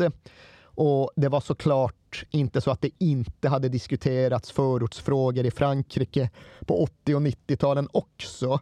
Men det brukar ofta pekas mot just en fotbollsmatch när det ska definieras hur de här frågorna verkligen kom upp i strålkastarljuset. För till att börja med fanns det ju någon form av smått utopisk bild av den franska harmonin efter VM 98. Kolla det funkar. Vi har våra söner av den femte franska republiken och de må komma både från bonnabygd vid Ardennerbergen eller de gamla kolonierna i Västafrika. De håller ihop och står samman och gör stordåd oavsett om de heter Zidane eller Blanc. Men ja, den kulissen rämnade ju totalt lite drygt tre år senare. Frankrike skulle spela träningslandskamp mot Algeriet hösten 2001 och det var alltså första gången de två nationerna skulle mötas. Mm. Det var första gången de skulle spela fotboll sen det extremt blodiga algeriska självständighetskriget frigjorde dem från Frankrike. Och det gick ju såklart åt helvete. Det gick aldrig att spela klart den matchen utan planen stormades ju av fransk-algerisk ungdom som draperade sig själva i Algeriets flagga och skanderade slagord som ja, delvis var riktade mot den franska staten, men delvis gick i annan riktning också. Det här var oktober 2001, en månad efter 9-11 och det fanns de som sprang in på den där planen och skanderade bin Laden, bin Laden. Mm. Och det såg väl sådär ut mm. i tv, för som sagt, det här var en landskamp med världsmästarna och Europamästarna. Det här var ju rakt in i det franska folkhemmets eh, kvällssoffa och det innebar ju att dagen efter förde med sig ett lite smått yrvaket krav på eh, bot och bättring och räfst och rättarting. Och det var absolut så att den här hårt mot hårt och vi mot dem-fåran grävdes mycket, mycket djupare över bara några dagar runt den här fotbollslandskampen. Och just i Paris så finns det ju verkligen en fåra, i det här fallet en ringväg, som skiljer det ena Paris från det andra Paris. Ringvägen Le Périphérique är en tydlig liksom gräns mellan välmående, välbärgade huvudstads-Paris och det avskurna, utsatta förorts-Paris. Och på mer än ett sätt så har också den franska fotbollen kommit att spegla franska samhällsutvecklingen och den franska samhällsförändringen. För när Frankrike vann EM 1984, då hade de inte en enda spelare från Paris. För det var ingen fotbollsstad när den generationen växte upp.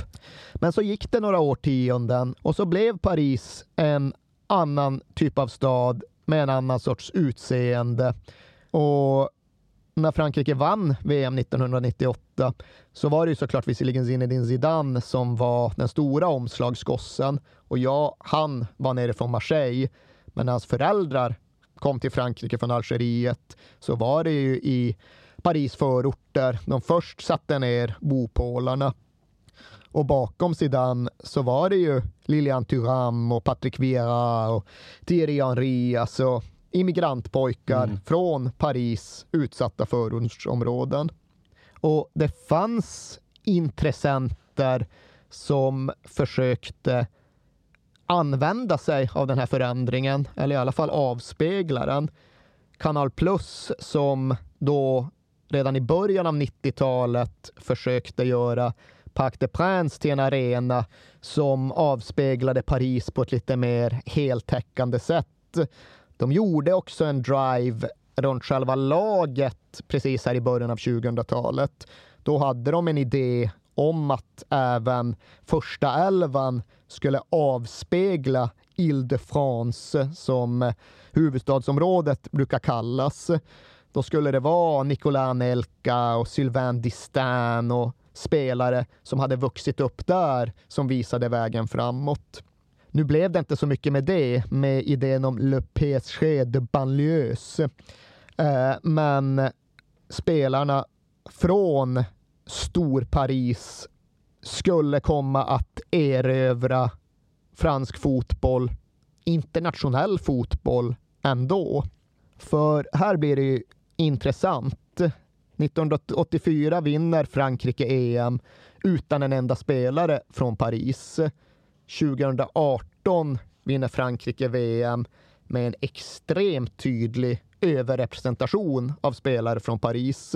Och det där har ju blivit ett fenomen i hela dagens världsfotboll. Hur exceptionellt många spelare som härstammar från Paris, från Ile-de-France, Stor-Paris. Det är alltså ett ställe som är ungefär lika stort som Härjedalen. Mm. Där har de klämt in 12 miljoner människor. Men det är numera den överlägset största talangfabriken i världsfotbollen. Har passerat Rio de Janeiro och Sao Paulo som tidigare hade den positionen för länge sedan.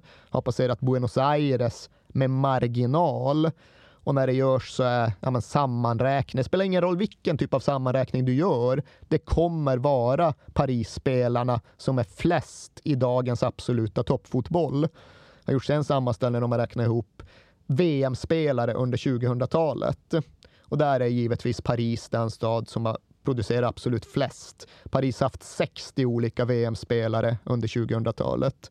Och nu blir det kul, för nu ska du säga vilka de andra städerna på topp 5-listan är. Som sagt, Rio, de har liksom fejdat iväg lite grann. Jaha, uh, i uh, hela världen menar Jajamän. Uh, jag kommer direkt att tänka på Lissabon. Är inte med. Uh,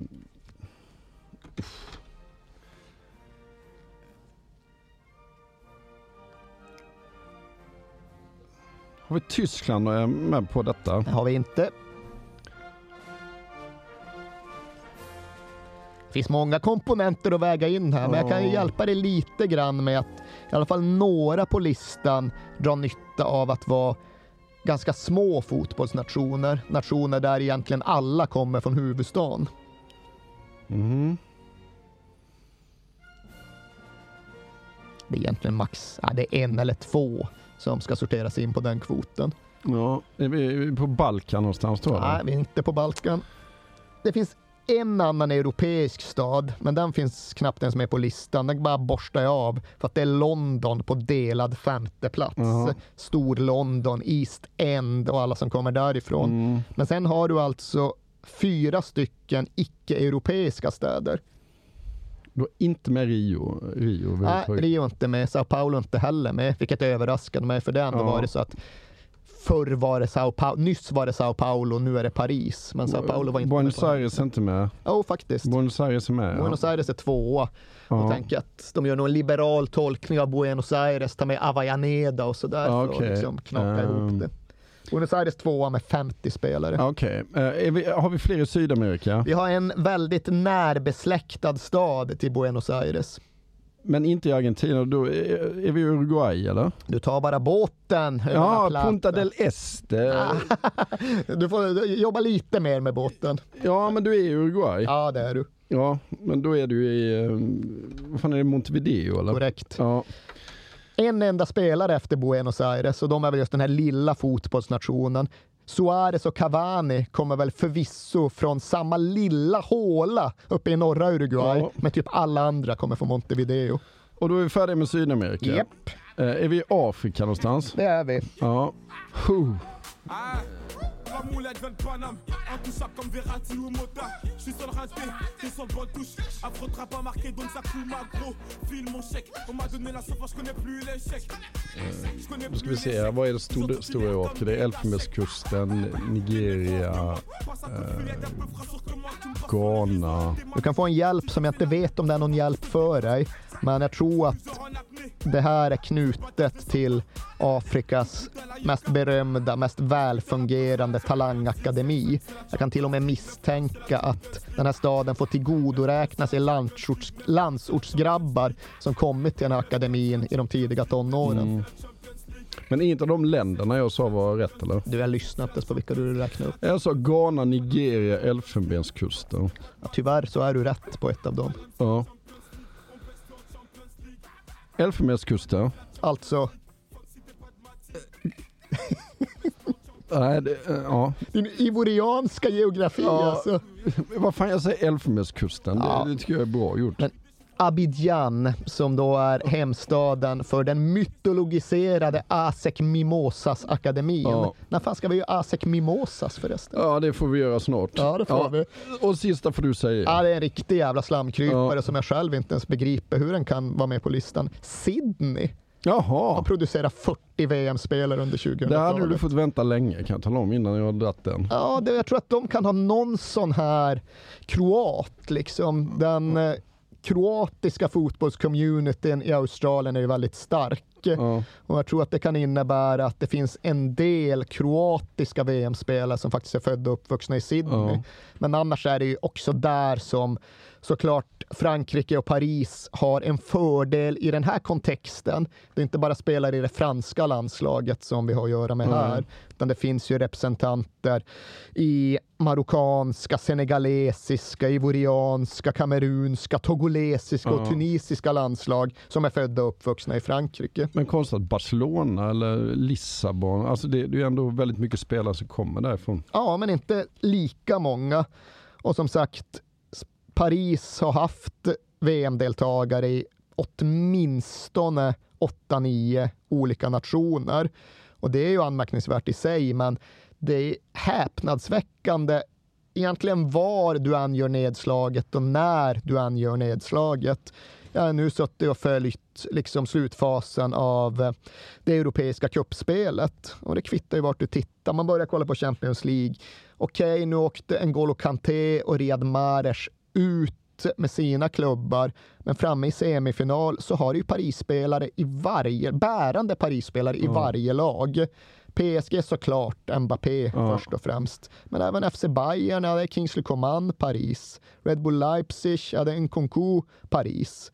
Lyon, ja men Dembélé som är två mål och slut med City, Ja. det är Paris. Okej, Europa League då? Jag satt kvällen innan vi spelade in det här och tittade på Sevilla besegra Man United. Ja. Han har ju Pogba och Martial i Man United, Koundé i Sevilla. Finns liksom överallt Ja. du tittar fotbollsspelare från Paris. Och naturligtvis finns det även en varför-fråga att besvara. För bara att konstatera att det är många spelare från Paris, det är ju en sak. Men hur fan kommer det sig då? Varför är det inte lika många från jämförbara storstäder? Och det parisarna själva säger när man väl kommer förbi det här som egentligen är allmängiltigt. Det första är det alltid så att det finns inget annat än fotboll ute i förorterna. Det är liksom den enda vägen ut. Det är bara drömmen om att lyckas med fotboll eller möjligen med hiphop som liksom driver ungdomarna framåt. Och mellan höghusen så existerar ingenting förutom möjligen en liten betongplätt där du kan kicka boll. Ja, men så är det ju i stort sett i alla andra förortsbälten också. Men det de lite bortser från med det där första slentriansvaret och det som faktiskt är en skillnad, det är att den statliga franska strukturen är väldigt stark när det kommer till förortsidrotten. Och det är en sån jävla skillnad för den statliga franska strukturen kan sannoliken inte sägas vara så där överdrivet stark i övrigt ute i Le Banlieuse. Det är inte så att utbildningssystemet funkar klockrent, Nej. att deras skolor är jättestarka. Men varje betongförort, varje satellitförort har en välfungerande, någorlunda välfinansierad idrottsklubb, fotbollsklubb med välutbildade tränare och helt okej faciliteter. Ja. Det är inte bara den lilla betongplanen där man spelar four against four nedanför höghuset, utan det är definitivt en fullskol, fullskalig konstgräsplan. Det är några 7 mot 7-planer. Det är liksom helt okej förutsättningar. Och det är klart att det finns en lockelse i att dra slutsatser utifrån det. Men kolla, när förutsättningarna ges, ja då tar ungdomarna från Paris förortsbälte över världen. Ja. För idrotten, fotbollen, har lyckats kanalisera och förädla all begåvning och all hunger som finns där ute. Men samhället i övrigt har överhuvudtaget inte lyckats med samma sak. Är de inte jävligt skickliga på det här med Clairefontaine och det här också att plocka upp de riktigt eh, stora talangerna liksom? Jo, det är de ju. Men även där är det ju liksom inte egentligen en skillnad i tankesätt utan en skillnad i funktion. För det där med att liksom dammsuga storstadsförorten på talang tidigt, det görs i stort sett Ja. överallt. Det är väl bara det att Clairefontaine över tid i alla fall har visat sig fungera så jäkla bra. Ja. När Henri väl kommer dit så får han nytta av den utbildningen. Men när England försökte med samma sak så liksom la de ner sitt Lills-hål efter bara några år för Ja. de fick det överhuvudtaget inte att funka för dem. Ja, men hur man än vrider och vänder och hur man än tolkar och mäter så är det ju i alla fall ofrånkomligen så att fotbollen har blivit en arena för den franska förortsungdomen. Och då pratar jag ju inte nödvändigtvis enbart om planen, utan i den här kontexten som vi befinner oss i så pratar jag då även om läktaren. För det var verkligen en stor sak det här med Auteuil och PSG. För det är verkligen en grej som är sann när vi pratar om förorterna, framförallt runt Paris. De ligger ju ofta långt ut som satan. Och vissa av dem har tunnelbana, vissa av dem har pendeltåg, men vissa av dem har knappt några funger- någon fungerande kollektivtrafik överhuvudtaget. Och det får ju konsekvensen att det är ofta så att folk från förortsbältet åker fan aldrig in till Paris. Nej. Vad ska de dit och göra? Det finns inget för dem där, finns inget sätt att ta sig dit. De lever sina liv utanför Ringvägen. Men här åkte ju förortsungdomen in. Här hade de en plats i centrala glitter och glam-Paris och här syntes de. Och det innebär att ja, det är ju liksom bara att lägga logikpusslet själv. Här befinner vi oss mitt i ett pågående inbördeskrig mellan förortsläktaren och den övertydligt franska läktaren. Detta pågår mitt i och detta överskuggas även av de mest allvarliga och mest omfattande förortskravaller som Frankrike någonsin drabbats av. Den politiska betydelsen av det som händer runt Parc des Princes är enorm. Men det politiska fokuset, det polisiära fokuset har ändå förflyttats lite grann med tanke just på förortsupploppen. Och det tror jag innebär att den här konflikten kan fortsätta växa, tillåts fortsätta växa när den annars hade kvävts. För runt PSGs matcher, ja, där fortsätter allt bara att eskalera. Boulogne Cop står på matcherna och sjunger La France est blanc, alltså Frankrike är vitt. De har någon bortamatch när de åker till Nantes och eh, folket från Boulogne gör en väldigt demonstrativ poäng av att stå där och sjunga Marseljäsen och vifta med sina franska ID-kort eh, övertydligt och översymboliskt mot de andra som står på samma läktare. Och äh, det slutade inte väl den gången heller. De stötte på varann på någon bensinstation på väg tillbaka till Paris och det blev den där typen av uppgörelse som inte bara utkämpas med knytnävar och sparkar utan det är knivar och machetes och fan vet allt. Hela tiden fortsätter också det ena att gå i hand med det andra på ett obehagligt sätt. Precis samtidigt som de här matcherna vi pratar om utspelar sig ett annat jävla bestialiskt krimdrama som fångar den nationella uppmärksamheten. I januari 2006 så blir en ung fransman med judiskt påbrå kidnappad. Ilan Halimi hette han och han hölls gisslan och torterades under mer än tre veckor veckor innan han till sist lämnades stympad vid någon jävla motorväg och avled innan sjukvården kunde göra så mycket för att rädda honom. Och den gången var det främst muslimska förövare som begick brottet, men oavsett vilket så bidrog det ju på ett väldigt kraftigt sätt till att skruva upp diskussionen om främlingsfientlighet och antisemitism ännu mycket mer. Och hela det här läktarkriget som bara pågick och pågick, det utspelade sig mot den bakgrunden. När det återigen blir extremblodiga läktarbråk runt själva cupfinalen mellan PSG och Olympique Marseille våren 2006, då analyseras ju inte det utifrån en fotbollskontext det ska inte heller göra det, utan det analyseras ju utifrån en diskussion om hela den franska framtiden. Och när den definitiva tragedin till sist drabbar PSG hösten 2006 ses inte det enbart som en konsekvens av franskt läktarliv, utan det ses fullt rimligt även som en konsekvens av fransk antisemitism. Ja, för att i november 2006 så möter de Apoel Tel Aviv i en uefa cupmatch Ja, och det är en hemsk svart kväll på alla sätt och vis. Eh, det börjar uselt sportsligt för PSG. De förlorar med 4-2 mot de här israelerna och det bidrar väl till att eh, förgifta stämningen runt Parc des Princes.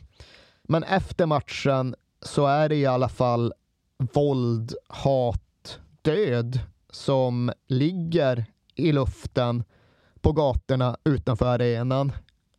Israeliska fans jagas, judiska fans riskerar att lynchas.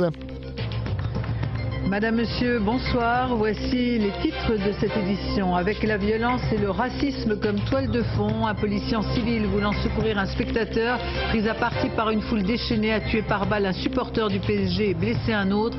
Très nombreuses réactions. Och det är ju då en fransk ung man med judiskt påbrå som kommer att hamna i centrum. För han blir på ett eller annat sätt identifierad som jude på väg från arenan. Han blir jagad som jude på väg från arenan. Och han är absolut på väg att hamna i riktigt allvarliga problem. För han har ett gäng efter sig och de är på väg att komma ikapp honom och de tänker ju inte diskutera hur matchen, hur det kom sig att matchen gick som den gick. Och det som då händer är ju att en annan man kliver in i händelseförloppet och ställer sig mellan de jagande och deras tilltänkta byte. Det är en svart man och det säger jag eftersom att det faktiskt spelar roll utanför Cop de Boulogne på den här tiden. Och det är även en civilklädd polis. Och han tar fram tårgasspray för att eh, mota bort mobben. Det får inte önskad effekt, så han tar fram en pistol också. Han ska inte ha några synliga insignier på sig som liksom identifierar honom som polis. Han har inga armbindlar eller dylikt. Men han ska vråla tydligt polis, polis. Han ska prata i sin walkie-talkie. Han ska ge förbipasserande intrycket av att ja, det här är en civilklädd polis som kliver in för att avstyra detta. Men till en början så lyckas han inte. Han blir också ivägjagad och när han till slut snubblar så använder han den där pistolen. Först genom varningsskott i luften och sen genom skott som kommer att träffa och som kommer att döda. En av männen som förföljde den här judiska grabben träffas i lungan men överlever. En annan träffas i hjärtat och dör. Och grabben som avlider visar sig då heta Julien Kemener och har medlemsnummer 225 i Boulogne Boys. Och vad hände med det då? Ja, alltså någonstans ändå förvånansvärt lite. Visserligen blir en PSG-match uppskjuten och visserligen blir det så att de under en period enbart får spela helgmatcher med avsparkstid klockan 15. Och visserligen så stängs Boulogne Cup ner tills vidare. Men det blir bara sex matcher och sen fylls den södra kortsidan igen och sen fylls den norra kortsidan igen. Och sen är läget rätt mycket detsamma som det var före dödsskjutningen med egentligen den enda stora visuella skillnaden att Boulogne Cop numera draperas av en gigantisk svart banderoll med namnet Julien på vid varje hemmamatch. Mm. Och ändå misstänker jag att vi inte klarar med det här ändå. Nej, det är vi ju inte. För okej, okay, det här liksom öppna kriget, det öppna våldet mellan den norra och den södra kortsidan, det lägger väl sig rätt mycket under året som följer på tragedin. Men samma folk är kvar, samma grupperingar är kvar, samma ideologier är kvar och samma motsättningar är kvar. Och nästa flashpoint kommer väl egentligen våren 2008 Ja, för då ska Sarkozy på match igen va? Ja, det ska ju för säga att Sarkozy går nästan alltid på match. Ja, men det, här det finns speciellt. mycket att anklaga Sarkozy för, men det går liksom inte att hävda att han är en plastsupporter till nej, PSG. Nej. Han går fan hela tiden och han tar med sig sina söner. Och det kan vara på lite gott och lite ont. Ja. Men den här matchen 2008 är Sarkozy på plats. Absolut, det är ju ligacupfinal på ja. Stade de France. PSG kan vinna en titel. PSG vinner en titel. Ja. De slår in en straff på övertid och besegrar gruvarbetarklubben från den lilla fattiga staden Lens uppe i norra Frankrike. Och det är ju det som blir debatten efteråt. Det handlar väldigt lite om den där straffen och den där övertidssegern för PSG, utan det handlar om den enorma banderollen som folket från Boulogne Cop vecklar ut i riktning mot eh, de tillresta från Lans. För Frankrike det är ett land av konflikter. Det är ett land av många politiska motsättningar och diskussioner. Det är inte så att det går att reducera de nationella spänningarna till enbart eh, förort kontra stadskärnor, utan det finns ju regionala spänningar mm. mellan, mellan till exempel Marseille och Paris, eller för den delen det fattiga norra Frankrike och Paris. För norra Frankrike, det har ju funnits en tendens att se på folket därifrån som ja, men de fattiga korkade kusinerna från landet. Mm. och det var ju det som Bologna Cop-folket nu spelade på med sin jättebanderoll som välkomnade citat arbetslösa inavlade pedofiler. Ja. Slutcitat från Lans. Ska vi lägga ut den på vår Instagram? Eller är det för kontroversiellt? Alltså det finns mycket kring det här som du får fundera på hur du ska göra med på Instagram. Ska vi lägga ut alla de här läktarbataljerna, de här liksom supporterstriderna, Ja. de här banderollerna? Ja, du får väl känna på Ja men det. just den här banderollen tycker jag ändå man ska lägga ut för att den var en markör. Ja, det var den och den Ja. tog ju skruv och precis som du säger, Nicolas Sarkozy var på match som vanligt och han hade bland annat med sig sin tioåriga son den här gången. Mm. Och sen sist hade han ju gått från att vara inrikesminister till att faktiskt vara nationens president. Ja. Och nationens president satt framför den franska ligaföreningens president på den här matchen. Sarkozy ska ju bara vänt sig om och sagt ja, den ska bort och den ska bort nu, den här banderollen. För om några minuter så går jag härifrån om inte det sker. Och den ska ha varit borta på lite knappt fyra minuter. Men skadan skulle på något sätt redan vara skedd. Och jag kan väl tycka att, ja visst, det är en kontroversiell banderoll. Det är en, det är en spetsigt formulerad banderoll.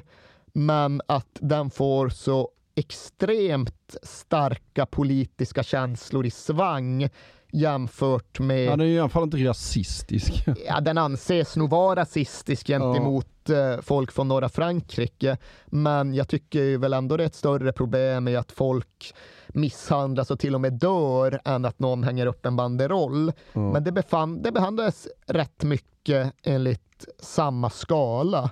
Sarkozy var vansinnig på detta och han såg till att hans undersåtar var detsamma.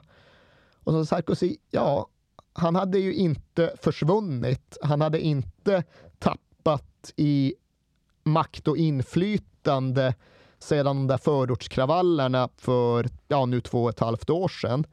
Utan han hade ju byggt hela sin politiska profil runt frågor som rörde invandring, integration, assimilation och nationell identitet. Han har liksom fortsatt raljera om islam och utlova tuffare tag och låtit skicka in poliser i skolor för att gripa papperslösa elever och deportera dem. Och han hade ju konsekvent använt en så oerhört bred kvast, eller högtryckstvätt som han själv sa, att han inte bara sopade och spolade bort stökiga ungdomar på glid, utan han svepte ju till hela förortsbältet och de tiotals miljoner människor som bodde och levde där. Men det var ju det här med att ja, stora delar av Frankrike verkade gilla vad de såg. Ja. Han blev ju inte politiskt omöjlig med den här linjen och den här hållningen, utan han blev president. Ja. Han blev president för en nation där första instinkten hade kommit att bli att bestraffa snarare än att förstå. Ja.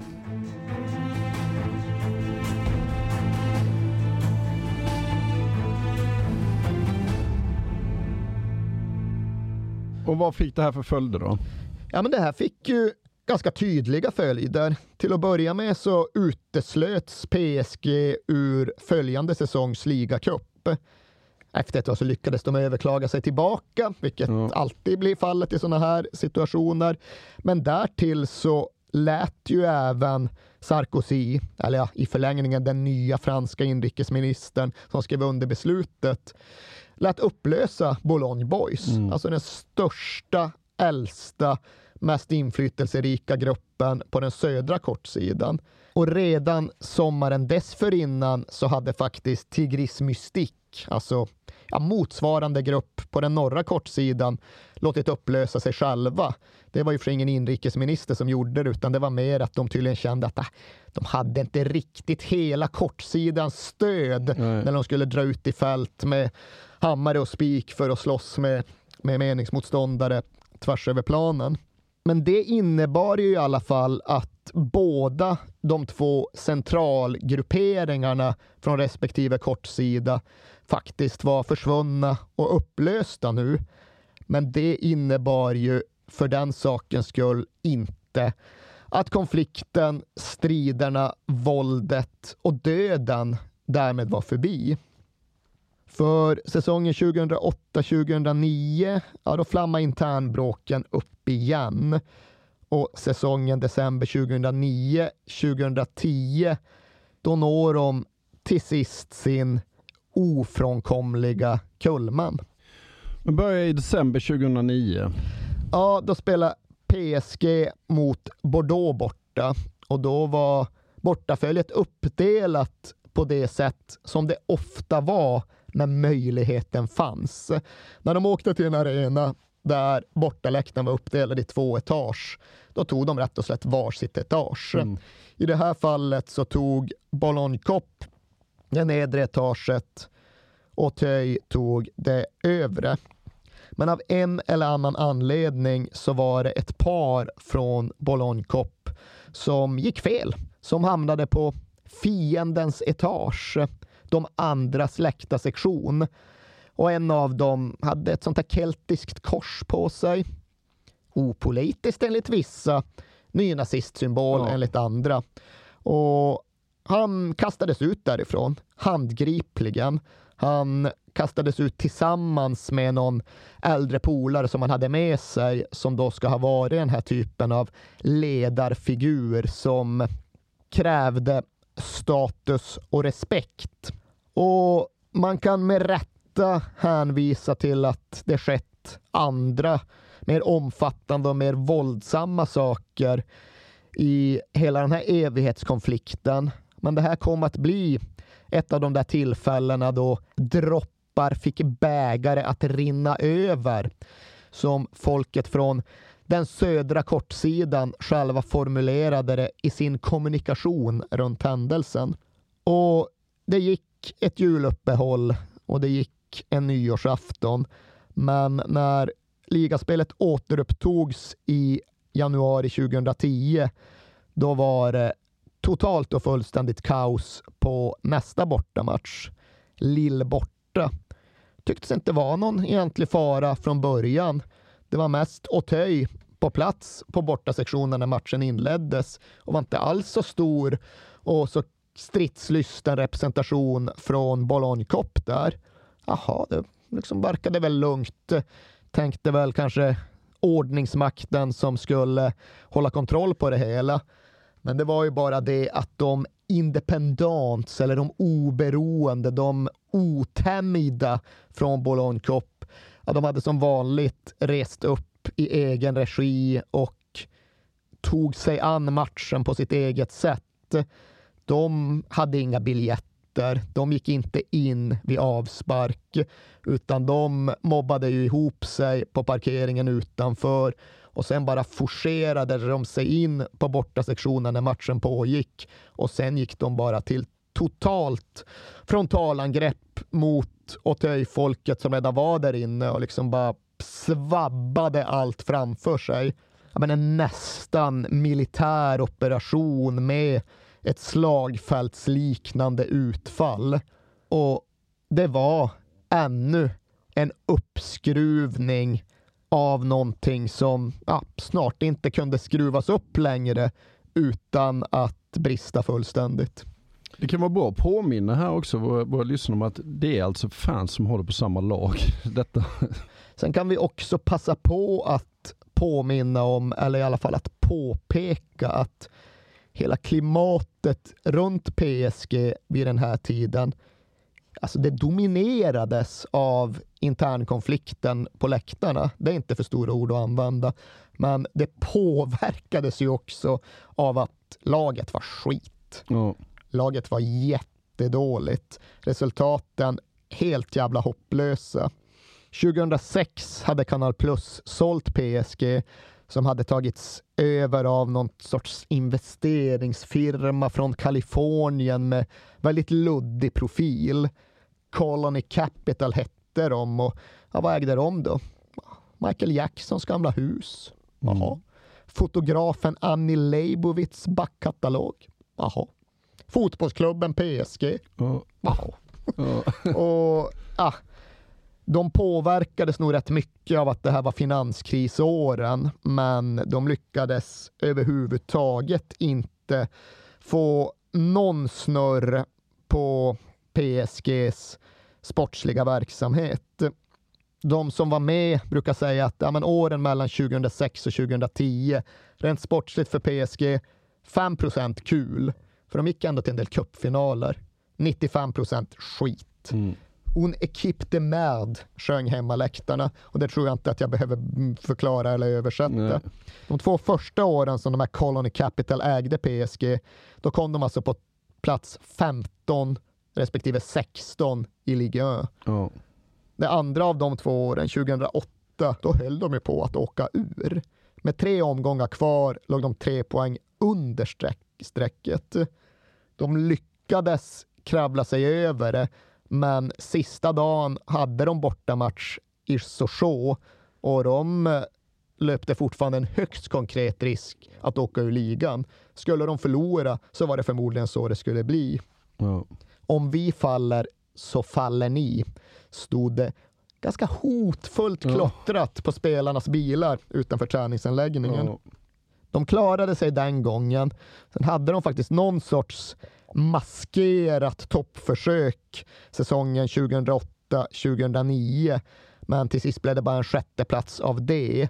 Och här, vintern 2009, våren 2010, ja, då är det lika jävla illa igen. Då är den här sportsliga maskeraden ytterligare en gång.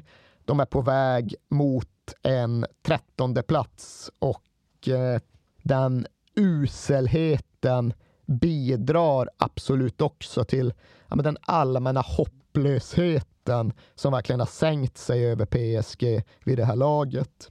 Efter matchen i Lille, efter fältslaget på läktaren i Lille, så förlorar de fyra raka matcher i ligan. Det kulminerar med att de torskar med 3-0 hemma mot den lilla landsortsklubben Lorient. Och där satt dåvarande klubbpresidenten Robin Leproux bredvid Sarkozy på hedersläktaren och skruvade på sig i takt med att bortalaget gjorde mål på mål. Den här Robin Leproux, han brukade under den här perioden tydligen komma först till Parc des Princes när arenan låg helt tyst, stilla och övergiven. Så hällde han salt i målen för att det skulle på något skrockfullt sätt bidra till tur för PSG. Det gick ju sådär. Det gick sådär Ja. på alla tänkbara sätt. Ja. Men i februari 2010 är vi i alla fall framme vid eh, mötet med Olympique Marseille. Ja, och det är ju alltid speciellt i sig. PSG mot Olympique Marseille hade ju blivit den stora matchen som definierade säsongen. Den ilskna rivaliteten, den franska klassikern. Och det hör till kontexten här att när den matchen skulle spelas i Marseille på hösten den här säsongen så blev det en jävla massa problem runt den precis före avspark, bara några timmar före avspark, så sköts den matchen upp. Varför det? Jo, för att en grupp PSG-spelare hade drabbats av svininfluensa. Jaha. Någonting som ja, vi kan relatera till idag. Och därför så tog bara beslut, nej men vi kan inte spela. Det är liksom Mamadou Sissako, Ludovic Guilly, ja, de har svininfluensan. Det här måste stoppas. Men eftersom att beslutet kom så sent så hade ju redan PSGs bortafölje hunnit komma ner till Marseille. Och istället för att de skulle slussas till arenan så skulle de nu fösas in i follar runt järnvägsstationen för att återbördas till huvudstaden. Och det gick ju åt helvete. Det blev ju upplopp och kravaller och stökigt som fan verkligen. Skadade poliser och en PSG-anhängare som ja, men utsattes för det som faktiskt måste beskrivas som ett mordförsök. Det var någon som bara liksom körde rätt över honom med bil och han hade jättetur som klarade sig undan med enbart ett brutet ben. Men det där fick följden att borta fans inte fick åka på returmatchen, den matchen vi nu ska prata om. Det var bara PSG-anhängare som skulle gå på den här matchen. Det fick polisen att minska på sin bemanning, dra ner på sin insats. Och det kan man väl tycka var sådär klokt, sådär välunderrättat med tanke på hela den bakgrund som vi i väldigt utdragen form har redogjort för. Hela det krigstillstånd som nu var på väg mot någon form av obönhörlig slutpunkt bland PSGs egna fans. Men ja, av en eller annan anledning behandlades det här som en lågriskmatch.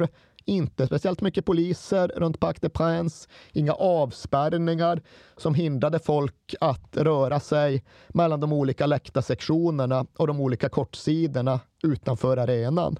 Och det får ju då följden att en mobb på, ja, vad kan det vara, 150 pers från Boulogne Cop bara får samla ihop sig, runda arenan och storma mot insläppen utanför Auteuil-läktaren. Och ja, det blir ju såklart storskaligt jävla slagsmål och det blir obehagligt och olustigt på alla tänkbara sätt. Men om man nu väljer att titta på bilderna som finns från den här uppgörelsen. De finns, jag vet inte om du ska lägga ut dem, men de finns. Ja. Och när man tittar på dem så får man inte känslan av att det är någonting värre och mer okontrollerat än många av de tidigare slagsmålen de här grupperna emellan. Det är liksom inte så att Eh, firman som attackerar är utrustad med en massa tillhyggen den här gången. Och så har det ju verkligen varit vid andra tillfällen. Då har det ju varit knivar och machetes och biljardbollar och flaskor och allting. Här är det mest bara nävar och eh, fötter. Men ja, leker man med elden så blir man väl till sist bränd och leker man med döden så kommer till slut någon att falla. Och här är det väl, jag vet, det är väl ungefär lika delar hänsynslöshet och otur. När angriparna från Boulogne Cop väl ska dra sig tillbaka och retirera så är det en av dem som faller, en av dem som blir kvar, en av dem som blir omringad och svårt misshandlad. Och just den här gången tar slagen och sparkarna mer illa än de har gjort vid 99 tillfällen före detta. Och killen som har ramlat och killen som har kommit att bli söndersparkad heter Jan Laurence. Han är med i något som heter Casual Firm från Boulogne Cop och är absolut ett välkänt ansikte i de här sammanhangen. Men nu faller han för att aldrig resa sig igen. Nu hamnar han i koma för att aldrig vakna mer. På planen så förlorar PSG den här matchen mot Olympic Marseille med 3-0, men det kan ju verkligen kvitta. Det är svårt att förstå varför den överhuvudtaget spelas. För samtidigt så kämpar ju Jan Laurence för sitt liv på sjukhuset och det är en kamp som kommer att bli utdragen som kommer att pågå i flera veckor, men som man då till sist förlorar. Han dödförklaras den 17 mars. Och den här gången så får det verkligen konsekvenser. Ja, det blir en ännu mycket mer omfattande reaktion och ett ännu mycket mer omfattande åtgärdsprogram än det blev senast en människa dog utanför Parc des Princes. För nu sjösätts och nu verkställs den så kallade Leproux-planen, då döpt efter PSGs dåvarande president Robin Leproux. Och återigen, det är ju en flera veckor lång period då Jan Laurens svävar mellan liv och död, då han ligger i koma på sjukhuset.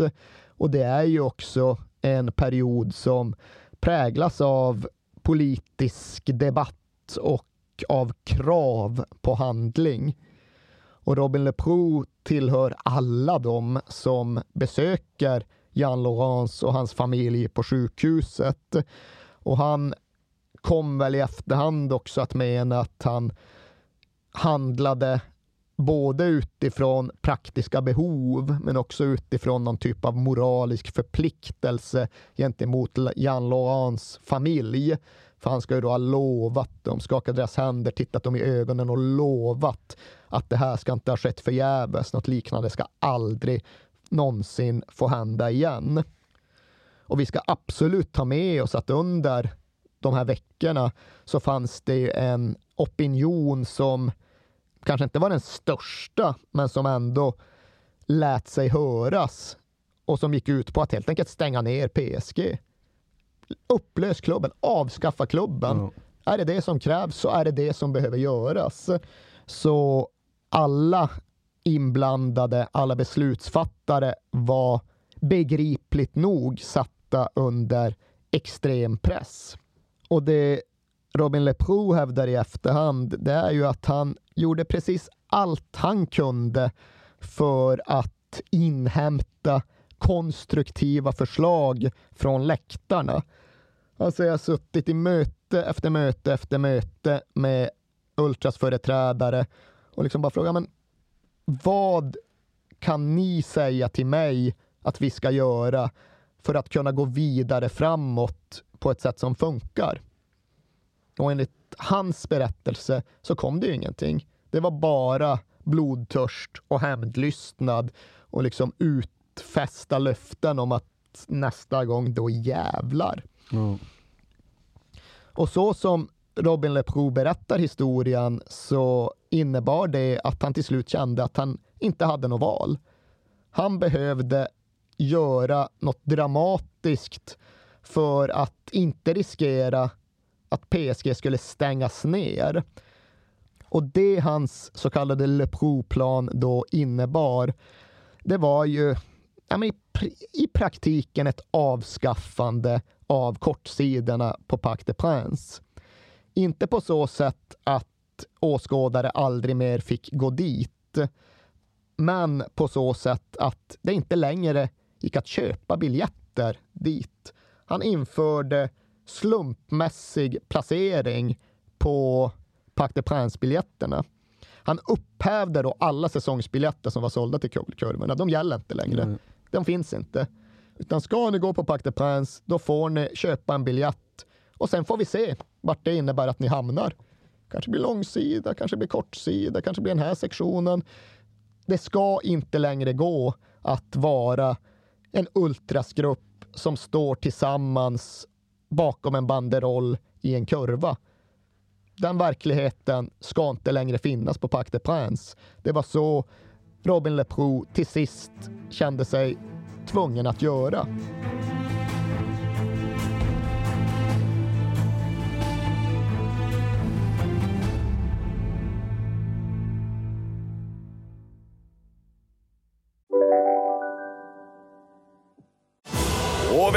Tillbaka till Sibylla där sportbörjaren nu laddar för mål. Otroligt taggad och toppat formen med stekt lök och dubbel cheddarost. Det här blir en riktigt god match! Sportbörjare, ett original i godaste laget. Från Sibylla. Abbo hemma. Hur låter din badrumsritual? Kanske så här? Eller så här? Oavsett vilken ritual du har så hittar du produkterna och inspirationen hos Apohem. Hej, Synoptik här. Visste du att solens UV-strålar kan vara skadliga och åldra dina ögon i förtid? Kom in till oss så hjälper vi dig att hitta rätt solglasögon som skyddar dina ögon. Välkommen till Synoptik. Sen stängde han väl av en väldigt, väldigt massa människor också va? Jag vet inte om det var han som gjorde det eller ifall det var polisen som gjorde det, Ja. men absolut, det blev hundratals avstängningar. Men det var ändå inte det som var den stora grejen, utan det var just det här som i praktiken innebar ett avskaffande av kortsidorna så som de hade fungerat. Det fanns en massa åtgärder i den här Lepro-planen. Det liksom var ju väldigt tydligt en ansträngning för att locka kvinnor, barn, familjer till läktarna. Men det stora och det betydelsefulla, det var det här att ja, nu har ni stått på er Boulogne-kopp i 30 år. Det kan ni inte göra längre. Nu har ni stått på er Auteuil i 20 år. Det kan ni inte heller göra längre. Det är så det måste bli. Det är så framtiden kommer att se ut. Och det här presenterades ju då under våren 2010 samtidigt som Jan Laurent låg och dog, samtidigt som populister krävde att PSG skulle upplösas. Och samtidigt som fotboll fortsatte spelas, men alla förstod att inget längre skulle kunna förbli sig likt. PSG spelade i cupfinal den här våren. PSG vann en cupfinal efter att Guillaume Roux hade avgjort i förlängningen. Men det drunknade ju totalt i hela oron för vad som skulle hända på läktarna, med läktarna, både runt den matchen och framöver.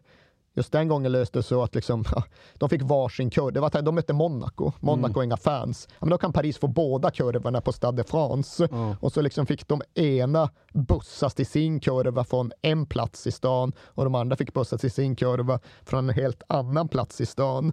Men det fanns ju en insikt i och en medvetenhet runt att allt det som hände runt arenorna våren 2010 ja, men det hände på något sätt för sista gången.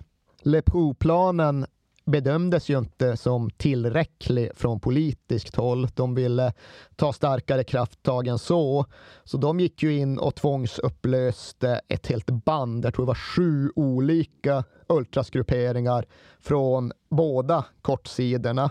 Authentix och Supras och La Grinta från Auteuil och Commando Louba och Milice Paris från Boulogne Cop upplöses. Ni får aldrig mer samlas i grupp under de namnen. Ni får aldrig mer visa de banderollerna. Det är liksom kriminella organisationer mm. som inte längre finns.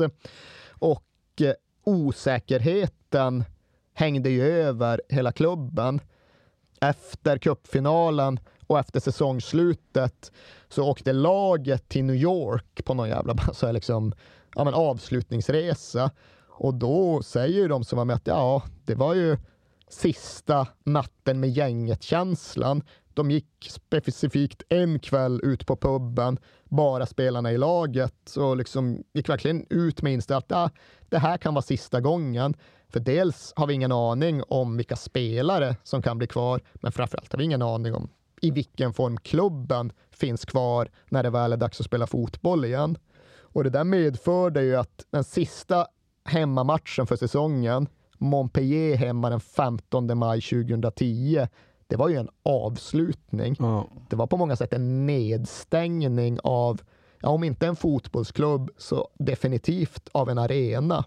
Den kvällen så tog kortsidorna farväl av sig själva, av sin klubb, av det liv som väldigt många av dem hade levt under årtionden. Och givetvis låg ju såklart det usla jävla PSG under med 3-0 efter en timme mot ja. Montpellier hemma, men det var väl vad det var.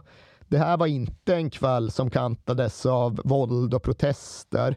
Okej, det var en stor jävla pyroshow från Auteuil som fick domarna att avbryta matchen, men det var ju liksom en kväll av melankoli, ja. sorg, saknad. Och slutsignalen gick, men kurvorna gick inte hem. Kurvorna stod fast stannat till långt in på natten sjöng sina sånger, stod bakom sina banderoller. Var absolut inne på, sta, på plan och stökade en del också.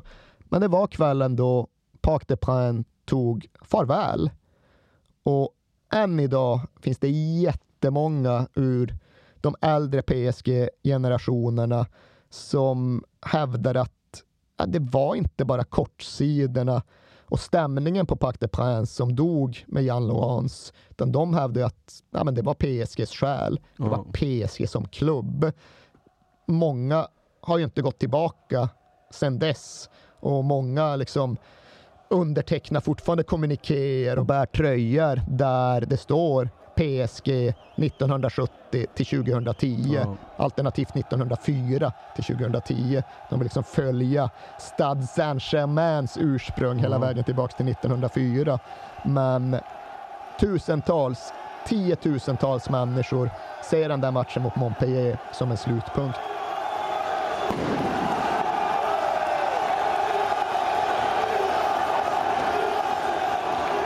Tidigare under avsnittet så har vi ju liksom sett samhällsdebatten i Frankrike och liksom hur det har påverkat vad som, är, vad som har hänt på arenorna. Vi måste se det här lite på samma sätt. Ja, absolut. När kortsidorna på Parc des Princes avskaffas så är det ju inte bara för att det finns en politisk vilja till att få lugn och ro runt fotbollsmatcher, utan det finns ju en väldigt stark politisk vilja att sända signaler och att kratta framtidsriktning. För en sanning som i alla fall jag kommer att tro på, det är ju att den här typen av tragedier innebär möjligheter för de som vill införa drastiska och dramatiska förändringar. Och det kan vara i stor skala och det kan vara i liten skala. Men har du läst boken Chockdoktrinen av Naomi Klein? Nej, det har jag inte. Ja, det borde du göra, för det är liksom ett politiskt betydelsefullt verk. Men i den drivs ju verkligen den här tesen att när det händer något verkligt dramatiskt, när en Berlinmur faller, när tvillingtorn störtar samman, ja, det är då det finns läge att verkligen liksom flytta målställningen, att eh, flytta spelplanen, att skapa en helt annan politisk verklighet än något som hade varit möjligt innan alla hamnade i chock och trauma. Och här har det inte fallit någon Berlinmur, här har det inte störtat samman några tvillingtorn, men här finns absolut en politisk möjlighet att göra något helt annat med PSG än det som hade varit möjligt bara ett halvår dessförinnan. Nu utfärdas det väl en typ av politiskt mandat, en typ av politisk carte blanche att göra upp med huligankulturen på vilket sätt som helst utan att få särskilt många frågor om följdeffekter. För allt det här drevs ju inte bara av en klubbpresident som försökte rädda sin förening. Det fanns ju även en tydlig och stark politisk vilja väldigt högt uppe i samhällsstrukturen som var intresserad av att förändra PSGs och i förlängningen hela Paris image. Det fanns ett politiskt problem att den franska huvudstaden mycket mer än liksom existentialism och upplysning började förknippas med klyftor, splittring och förortskravaller. Det fanns följaktligen även ett politiskt problem i att den stora klubben mest stod för våld och usla resultat. Men här fanns nu då en möjlighet, ett frikort att eh, låta ett helt nytt PSG ta form. Och Nicolas Sarkozy var personligen väldigt aktiv i att få det att hända. Och liksom under den här perioden så var jag flera gånger nere i Paris och liksom skrev om och försökte skildra allt det som pågick.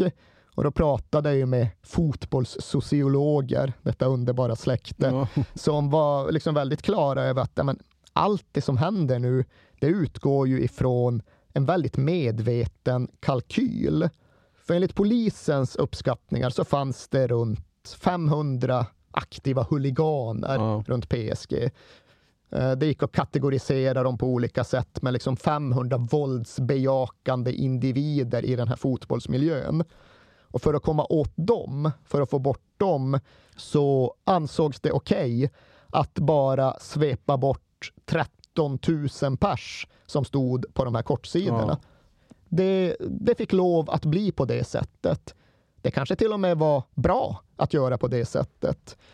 För enligt den där fotbollssociologiska kalkylen så ska ju folket runt PSG, folket ovanför PSG återvänt till en känsla som de alltid hade haft.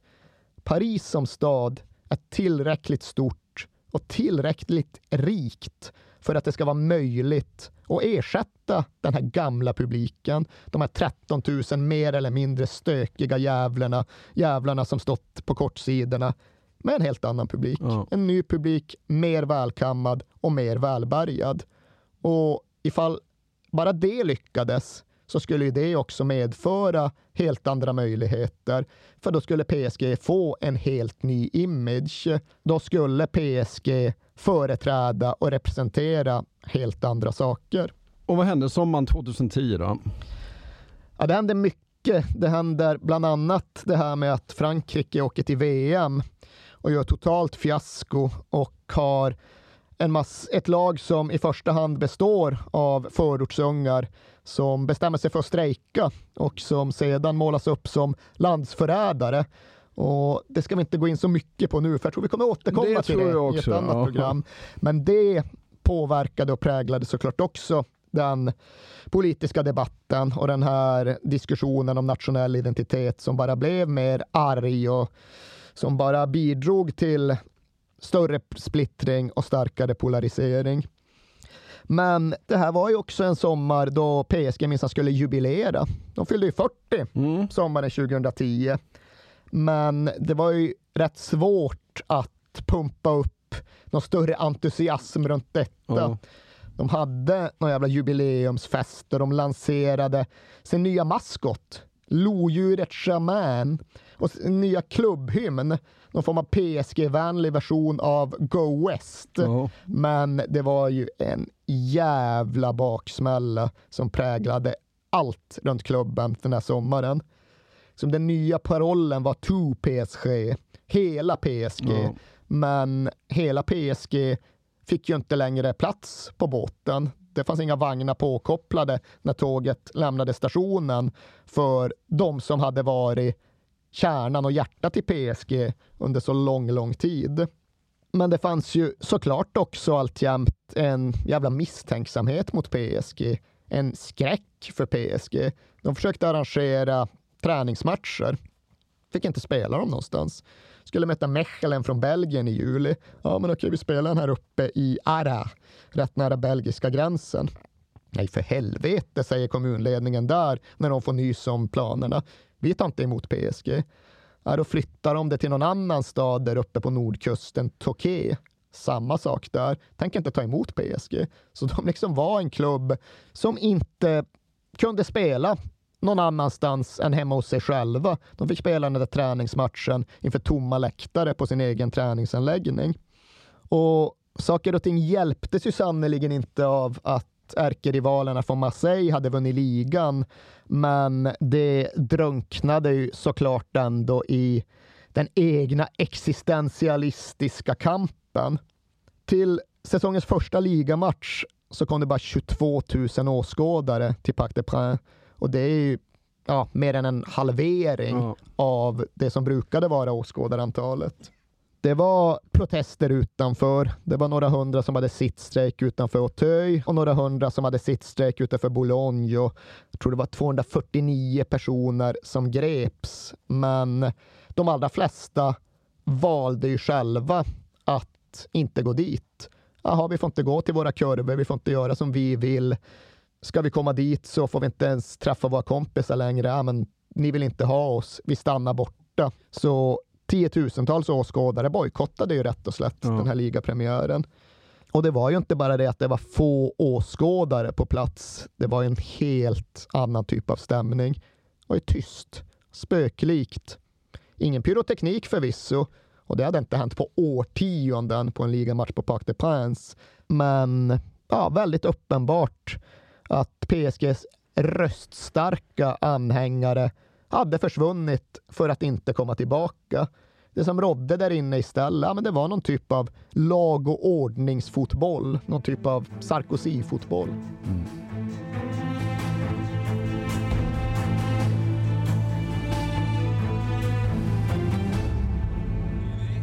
superbe la fin Dédé pour le doublé Superbe, superbe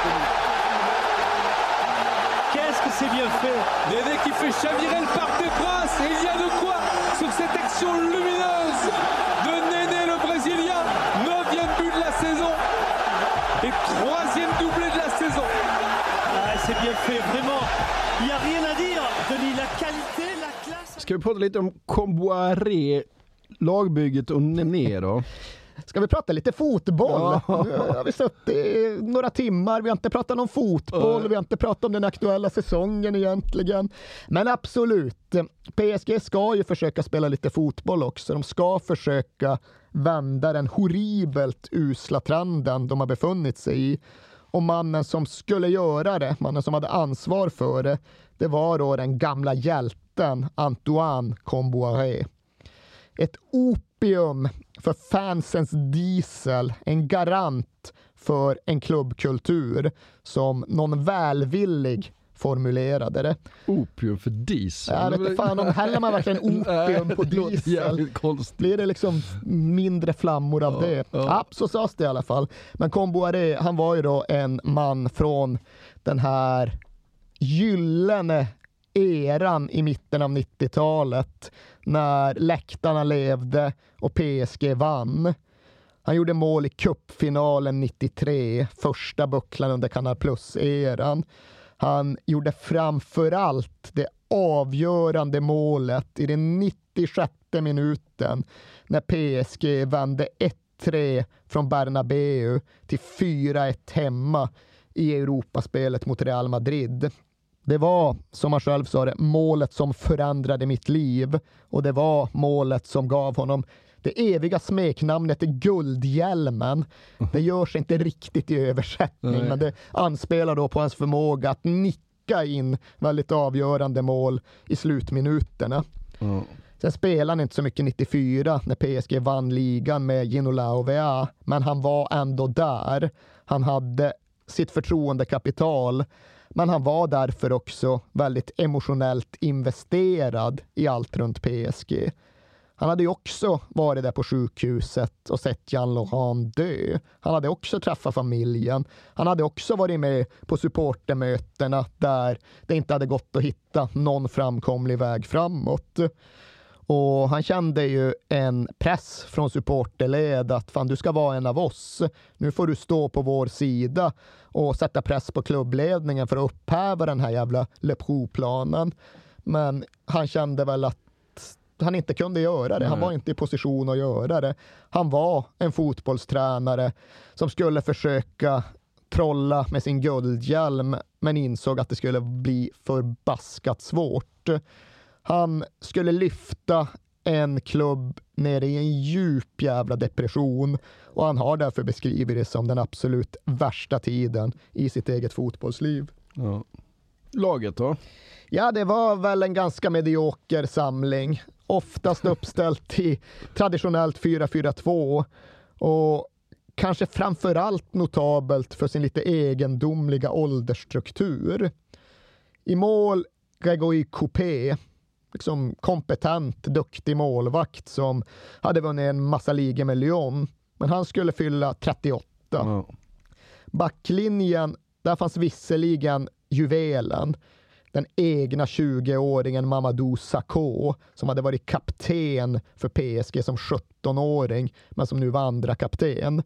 Han var ju så jävla klar och färdig när han var 17-18. Han skulle ju bli bäst i världen.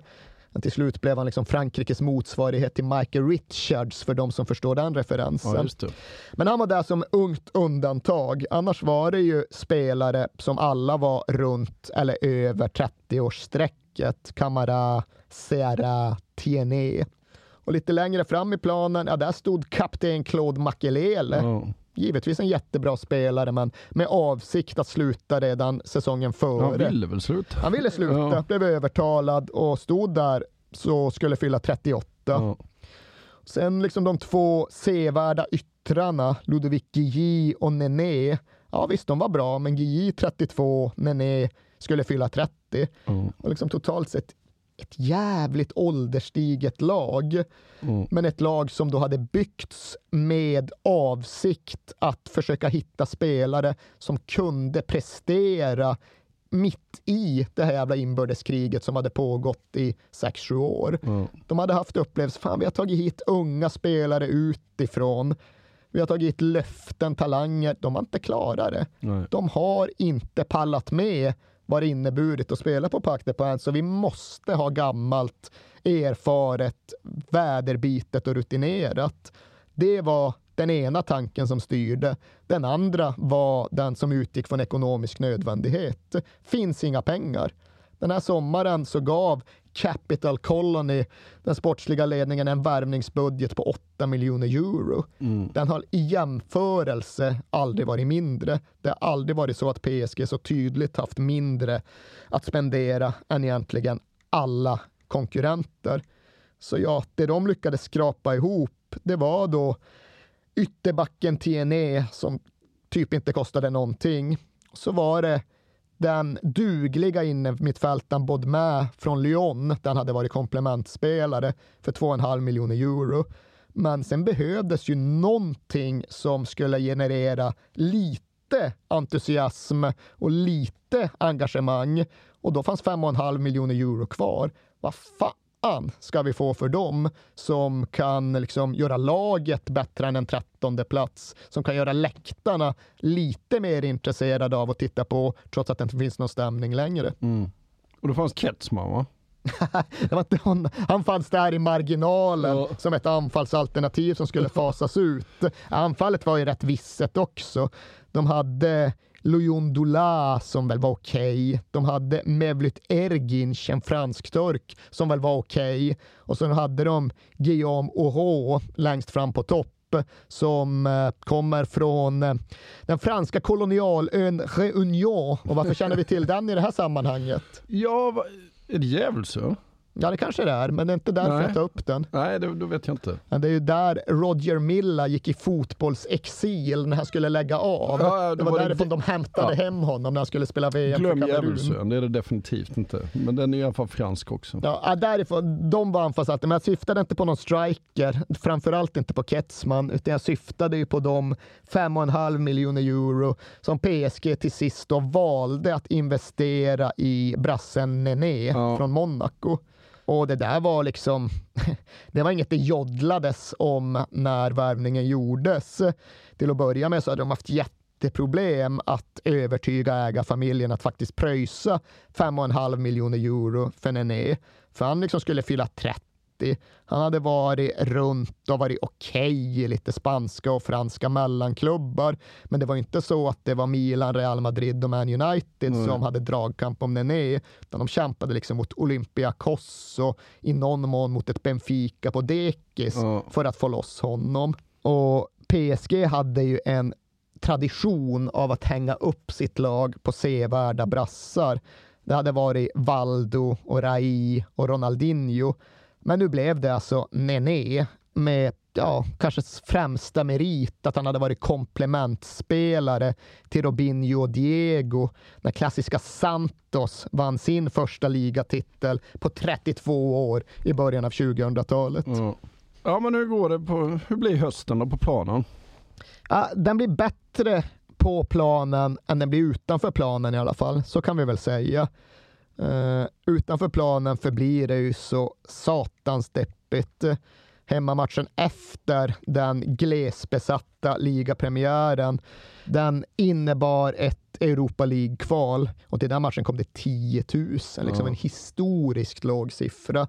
Och det här med låga publiksiffror skulle ju bestå under hela säsongen. Det här är enda året av 25 som PSG har snitt hittat under 30 000 hemma på Parc des Princes.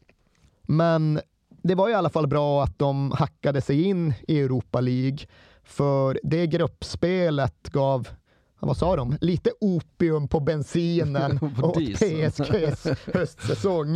Det var lite kul för dem att spela i Europa League. De slog Sevilla borta med 1-0, mål av Nené. Och de räddade ett kryss borta mot Dortmund sent i 87. Slog Sevilla hemma också med 4-2 och toppade faktiskt gruppen som obesegrade medan Jürgen Klopps Borussia Dortmund åkte. Så det var ju en bra bild av höstsäsongen, men det fanns ju fler. Det fanns ju de där intrycken och de där känslorna när Borussia Dortmund kom till Parc des Princes med 6 000 från sydtribunen och sjöng sönder stället så totalt totalt och fullständigt. Och det var ju så smärtsamt för alla de som fortfarande brydde sig om bilden av Parc des Princes, av allt vad det hade varit, av en arena som inte böjde sig för någon på stora europeiska Nej. kvällar. Men sportsligt, på det stora hela ändå okej, okay, eller till och med lite mer än okej. Okay. Strax innan vinteruppehållet så gick de faktiskt obesegrade genom ligan i åtta raka matcher. De slog Marseille i klassikern utan bortafans i en match där Nene bland annat lyfte fram en jävla Brian Laudrup-pass till Oro som bara kunde dra in den. Ja, men vi måste ju säga att han, han gjorde det jävligt bra när han kom till PSG. Alltså Nenes höst var Ja. fenomenal. Han Ja. blev precis den där katalysatorn som de knappt hade vågat drömma, drömma om. Han gjorde, vad fan kan han ha gjort, så här 13 mål under höstsäsongen. Och vid ett läge så nafsade faktiskt PSG till och med på serieledningen. Det var då de åkte ner till Lyon för att möta OL och hade de vunnit så hade de toppat tabellen, i alla fall tillfälligt. Och det såg bra ut. De ledde med 2-1 med mindre än fem minuter kvar. Men så var det ju det där med att de inte längre hade sin första keeper i mål. Gregory Coupé hade gått och blivit skadad. Så från och med september fick PSG lov att ta andra målvakten i buren. Och det var inte okomplicerat. Det här var en kille som hette Apula Edel. Och vi kan ju börja med att säga att han i den 87 minuten av den här nyckelmatchen borta mot Lyon fick för sig att bara felträffa en utspark något så djävulskt så han gick bara rakt, liksom hoppade hoppade fram några meter rakt till Buffetin Bigomis som bara kunde slå in kvitteringen i mer eller mindre tomt mål. Och det var inte så jävla bra, men det var ändå inte det största problemet som Apula Edel ställde till med den här hösten.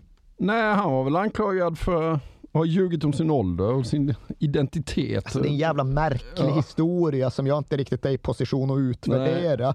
Men det som vi vet är i alla fall att Apula Edel, eller målvakten med det namnet, flyttade till Armenien 2002. Mm. Då ska han alltså ha dragit direkt från Kamerun dit och precis ha fyllt 16 år. Sen var han i Armenien, lirade för klassklubben Pjunik Jerevan, Mm. som vi borde återkomma till någon gång. Eh, Ja. och drogs även in i någon konstig rättsprocess där borta som bland annat innebar att han blev armenisk medborgare med armeniskt namn. Och under en period sa han att ja, men det var någonting som liksom, jag gjorde under tvång. Jag var tvungen att bli armenier för att klara mig ur den här rättsprocessen. Jaha, sen var han inte i Armenien längre utan sen var han i Rumänien och spelade lite för Rapid Bukarest innan de släppte honom efter något konstigt kontraktsbråk. Och sen kom han då till Frankrike och till PSG och började spela som reservmålvakt bakom Coupé. Och då var det en fransk fotbollstränare som bara, bara, bara vänta lite nu här. För han hade varit nere i Kamerun och jobbat med deras landslagsapparat, med ungdomslandslagen och den här jävla killen har ju jag sett. Han var ju med och spelade med oss i Kameruns ungdomslandslag, men då hette han inte Apula Edel. Då hette han Ambroise Beyama och då var han fem år äldre än han påstår sig vara nu. Och där går ju versionerna sedan isär. Det som hände var i alla fall att Sevilla, ja, de började, men vad fan, vi lägger in en protest till Uefa. Och det var ju någon av motståndarna i franska ligan som också slängde in en protest. Och ett tag pratades det om att ja, spelaren åker i fängelse ifall han befinns skyldig. Men därtill kommer PSG bli uteslutna ur Europa och tvångsnedflyttade ur franska ligan. Och jag vet inte om det egentligen var en tänkbar påföljd. Förmodligen hade de blivit av med poängen i de matcher som man hade spelat. Men i vilket fall som helst så blev det ingen fällande dom. Och jag vet inte ifall det var på grund av brist på bevis eller på grund av att Apula Edel verkligen kunde lägga fram handfasta papper på att han var den han sade sig vara. Men det var i alla fall en jävla härva som bara dök upp från vänster och som PSG-folket fick rätt i nacken när de hade en del annat att tänka på och när de egentligen ville planera för en annan sorts framtid. Ja men hösten på planen går ganska bra. Men eh, det händer grejer utanför planen också. Det händer ju grejer på alla plan vid sidan av, på plan, gräsplan, fotbollsplan, rättssalsplan. Eh, Stökigt med fansen, det är deppigt runt arenan, det är trubbel i rättssalen, det är Nené som gör en del bra, men allt det här, allt det här är ju bisaker. Allt det här är mer eller mindre oviktigt när vi pratar om vilken klubb PSG skulle komma att bli. För i oktober 2010, ungefär samtidigt som Apula Edel clownar runt Ja. på utanför planen, så rapporteras det för första gången om att det kanske kan bli så att PSG får en helt ny ägare snart. och att den ägaren kommer nerifrån Qatar. Och den rapporteringen var visserligen inte särskilt detaljerad och inte särskilt definitiv. Men det folk inte visste, det var ju att det verkligen hade sjösatts en operation vid det här laget. Operation Oryx. Varför heter den Operation Oryx? Det vet jag inte. Som att oryxen är ett sällsynt antilopdjur med höga jävla horn som en avlägsen kusin till gasellen och som då frodas någonstans nere runt Qatar. Jaha. Ja. Så de hade utformat Operation Onyx. Och när jag säger de så säger jag ju företrädarna för den katariska staten. Företrädare för världens rikaste land sett till BNP per capita. Företrädare för den statsapparat som hade så jävla mycket naturgas att de inte visste vart de skulle göra av alla pengar som den genererade. Och de hade varit där och sniffat runt PSG redan 2006 när Canal Plus sålde och de här konstiga Colony Capital köpte istället. Men då hade den politiska ledningen i Paris, kanske även politiker med ännu högre uppsatt position, sett till att det inte blev någonting. För då ansågs det vara oförenligt med just allt vad folk ville stå för. Att ha en hyresgäst med så tveksamt eh, mänskligt rättighetsfacit på Parc des Princes. Ja, alltså Paris borgmästare var ju öppet homosexuell. Ah, Det är inte speciellt förenligt med att ha... Kan man tycka. Qatars, eh, ja. Men saker och ting förändras och situationer präglas av pragmatism. Och sen 2006 så hade ju allt tätare band knutits både politiskt och ekonomiskt mellan Frankrike och Qatar. När vi nu är framme 2010 så har vi en situation där 80 procent av all militär utrustning som Qatar importerar köptes in från Frankrike. Det hade introducerats speciella skattelättnader för katariska investeringar i Frankrike och det hade bland annat fått följden att precis när det här snacket snurrade igång så hade Qatars förra premiärminister köpt ett 1600-talshotell i det fjärde arrondissementet för sådär trekvarts miljard. Och vem drev framför allt på hela den här utvecklingen? Ja, det var ju president Nicolas Sarkozy. Han såg en sån jäkla potential i det här utbytet, det här samarbetet mellan Frankrike och Qatar. Så han hade personligen själv varit nere i Doha och översett grundandet av en ny fransk skola där nere. Så det fanns fog för rapporteringen, för spekulationerna. Det var faktiskt så att folket från Qatar hade kommit med en lite mer konkret intresseförfrågan redan vintern 2009-2010.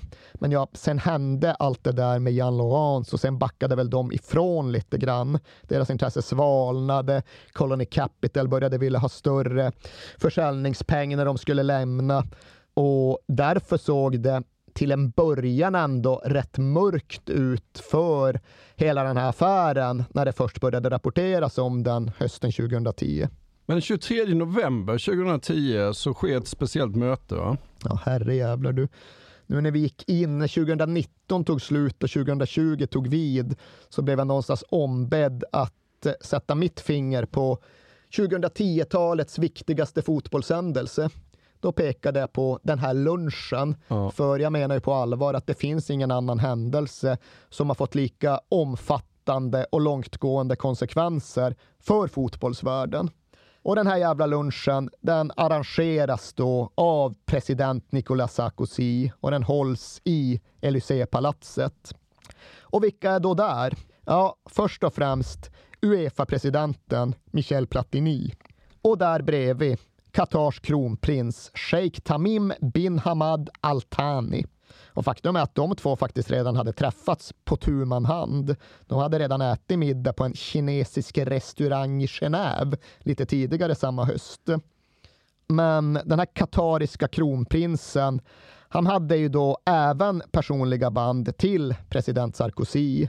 Alldeles kort före det här mötet så hade han förärats med självaste den franska hederslegionen av väldigt oklar anledning. Och när vi kommer till personliga band och relationer så kan vi också säga att med på lunchen är Sébastien Bazin, främsta företrädare för ägarna Capital Colony i Frankrike och då alltså den här mannen vars barn Sarkozy hade räddat från en bombmannagisslan drygt 25 år tidigare. Ja, finns lite annat löst folk där också. Sarkozys idrottsliga rådgivare, hans högst personliga rådgivare.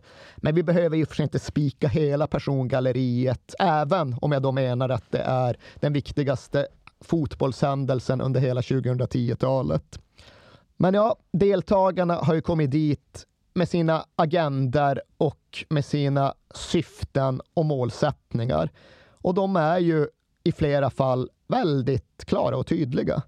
Nicolas Sarkozy ville ha tätare band mellan Qatar och Frankrike. Han ville ha större investeringar från Qatar i Frankrike. Han ville dessutom bygga upp och förmedla en ny omvärldsbild av Paris av ungefär samma anledningar som Qatar ville eh, skapa sig själva en annan image. Och båda var de intresserade av att använda fotbollen som reklampelare. Qatars kronprins var ju främst på lunchen eftersom att han ville att Qatar skulle få arrangera fotbolls-VM. Och där satt då han som blivande emir och där satt den franska presidenten. Och det innebar alltså att två av världens mäktigaste män, det är faktiskt inte för stora ord att använda, satt där och ville ha någonting. Och i mitten satt en fotbollsfunktionär och kunde få det att hända. För ja, Michel Platini var själv viktig. Michel Platini var ett aktat namn och han hade positionen som Uefa-president, men här var han ju ändå en småhandlare. Och folk ska ju veta att fram till den här dagen hade Platini alltid sagt, officiellt och inofficiellt, att han tänkte rösta på USA som VM-värd. Och underförstått så innebar det att även de andra europeiska rösterna skulle gå till USA. Qatar som alternativ, det vore citat Platini, katastrofalt. Slutcitat. Men bara några dagar efter lunchen så påstår ju dåvarande Fifa-presidenten Sepp Blatter, tro på honom om ni vill, att Platini hörde av sig och sa ja, det här som jag sagt tidigare, vårt gentleman's agreement om att ge VM till USA, det gäller inte längre. Här var då? Jag har blivit tillsagd av min statschef att tänka på Frankrike. Sen har ju Platini såklart slagit ifrån sig i efterhand. Nej, nej, alltså det var inte alls så att Sarkozy tvingade mig till någonting. Det var inte så att han uppmanade mig till någonting. Det var bara så att han lät mig veta att det vore bra oh. om jag tänkte om. Och visst, jag tänkte om, säger Platini, men jag hade egentligen redan gjort det tidigare. I själva verket var det jag som bad om den här lunchen för att jag skulle meddela Sarkozy att jag hade ändrat mig. Oh. It's a chance for Qatar. It's a chance for a part of this, a part of the world to receive the World Cup. Is why I vote for them because they never receive the Arab people never receive the World Cup. Why we why we can't go to Qatar? But for me, it was not a mistake. It's not a mistake. You have no regrets about no, voting no, for Qatar? No, no, no, no, no. Why? Why? Och ni får göra vad ni vill med den utsagan och den versionen. Men vad som i alla fall är helt klart och hugget i sten är att nio dagar efter lunchen på Élysée-palatset den 2 december 2010 så tilldelas Qatar oväntat, chockartat värdskapet för fotbolls-VM 2022. Oh. Och därefter så kan vi väl inte låta bli att bygga vad Palmegruppen skulle beteckna som en indiciekedja. Vad hände mer? Ja, det finns några saker som vi egentligen inte behöver värdera eller analysera. Vi kan bara konstatera att de hände. Början av 2011 då beställer Qatar 50 flygplan från den franska tillverkaren Airbus. Och det är jävlar i mig ingen liten affär. Nej. Den katariska mediebjässen Al Jazeera ja, de går in och köper sändningsrätten till den franska Ligue 1-fotbollen för jättebelopp både vad gäller den inhemska sändningen och den internationella. De åtog sig liksom uppdraget att sprida fransk fotboll internationellt. Som en liten bisak i sammanhanget, Michels Platinis son Laurent, han fick ett vd-jobb inom Qatar Sports Investment. Ja. Och ja, Qatar Sports Investment kom att köpa PSG. Ja. ja, det är fantastiskt. Det är vad det är. Ja. Ska vi, ska vi ta våren på planen lite snabbt eller? Ja, absolut. Vi blåser igenom den och vi ber om förståelse för att i just det här avsnittet så har vi kanske pratat mer om läktare och om beslutsfattarrum än om straffområden. Ja. Men så blir det ibland. Ja. Eh, PSG säsong 2010-2011 definierades inte av vad som hände på planen. Det spelade inte så jävla stor roll att den gamla stjärnan Stéphane Cessignon fick för sig att strejka sig igenom vinteruppehållet i marockanska Marrakesh. Det spelade inte så stor roll att Nené allt mer började spela för sig själv och göra lagkamraterna allt mer irriterade. Det fick visserligen följden att eh, PSG bromsade upp att typ inga offensiva spelare överhuvudtaget gjorde mål under våren. Och det medförde ju också att säsongen tappade fart. De hade varit på tröskeln till ligaledning under slutet av hösten. Men i mars så går de segerlösa sex matcher i rad. De åker ur Europa League mot Benfica. De förlorar Le Classique mot Olympique Marseille. De sjunker ner till en femte plats i ligan. Och när väl säsongen kulminerar med två matcher mot Lille framme i maj ja då är det egentligen inte PSG som de matcherna kretsar kring. Men Lill? Ja, precis. Jag befarar att vi förmodligen inte kommer göra ett avsnitt om Lill 2010-2011. Så därför vill jag ändå bara skjuta in att det här var ju deras stora stund på fotbollsjorden. Ja, det är ändå Eden Hazard de här. Det är, ja, det är ju det. Ja, det, är ju det. det är Lille, lag. Ja. Alltså de hade inte vunnit en buckla sedan 1955, men här har de ett jävla kanonlag med en 20-årig Eden Hazard, Gervinho, Gana Gay, Mathieu Debuchy, Johan Kabay, Rio Mavuba, Adil Rami och hela ligans skyttekung Moussa Sow. Coach Rudi Garcia, idag succéman i Lyon. Ja, oh, men det låter som vi måste göra ett avsnitt på faktiskt okay, framöver. Ja, okay. ja. Då ska vi inte stanna till maraton, så mycket. Erik. Ja. Men ska vi ens nämna att Lille besegrar PSG i den franska cupfinal som huvudstadslaget ändå lyckats kravla sig till. Ja, vi gör väl det bara i hastigheten. 0-0 i 89. Sen lyrar Lils inhoppande polack Ludovic Obraniak in en frispark från kanten. Har du sett den? Nej, det har jag inte. Gregory Coupé är tillbaks i målet, men uppträder ju som en annan kamerun-armenisk skojare. Han liksom bara släpper bollen. Jaha. Visst, den kanske är svår honom, men han försöker inte ens. Och den loopar in i gaveln och så är cupfinalen avgjord. Ja, men vi tar Lill sen. Det gör vi. Okej, då Ja. nämner jag bara att de därefter åker till Parc des Princes och säkrar ligatiteln också. Och det behöver jag inte nämna mer. Jag kan bara konstatera att det praktiken även innebar att PSG var chanslösa att nå Champions League-spel. Ja. Det blev till slut ytterligare en misslyckad säsong. Inte 16 plats misslyckad som några år tidigare, men ändå utan buckla, utan Champions League-spel. Ja. Och sen blir det klart med Qatar. Ja, det blir ju det. Det offentliggörs och presenteras bara tio dagar efter ligaavslutningen. Det har varit ganska komplicerade slutförhandlingar under våren, men så fort de gnisslade då brukade då PSG-företrädaren Sebastian Bazin prata om att han var tvungen att kolla med honom där uppe. Och då syftade han givetvis sin gamla kompis, president Nicolas Sarkozy. Så ja, sista maj så offentliggjordes försäljningen, men då hette det att PSG skulle tas över av Qatarier utan att det preciserades närmare. Det tog en månad till den sista juni innan överenskommelsen verkligen definierades. Ja, då framgick det ju att ja, i den inte särskilt avlägsna svårdragna förlängningen så är det ju den katariska staten som har köpt PSG. Och i och med det så blev det ju den första direkt statsdrivna fotbollsklubben som vi har sett i den europeiska toppfotbollen. Wow. Och sen tog det en dryg månad och sen var Leonardo ny sportchef och sen hade PSG gjort den dyraste värvningen en fransk klubb någonsin gjort när de tog Javier Pastore från Palermo. Sommaren före hade de liksom fått äska småmynt på sina bara knän när de skulle försöka lösa Nené från Monaco. Nu satte de snabbt sprätt på sådär en miljard på värvningar och ändå var ju det bara början. Ja.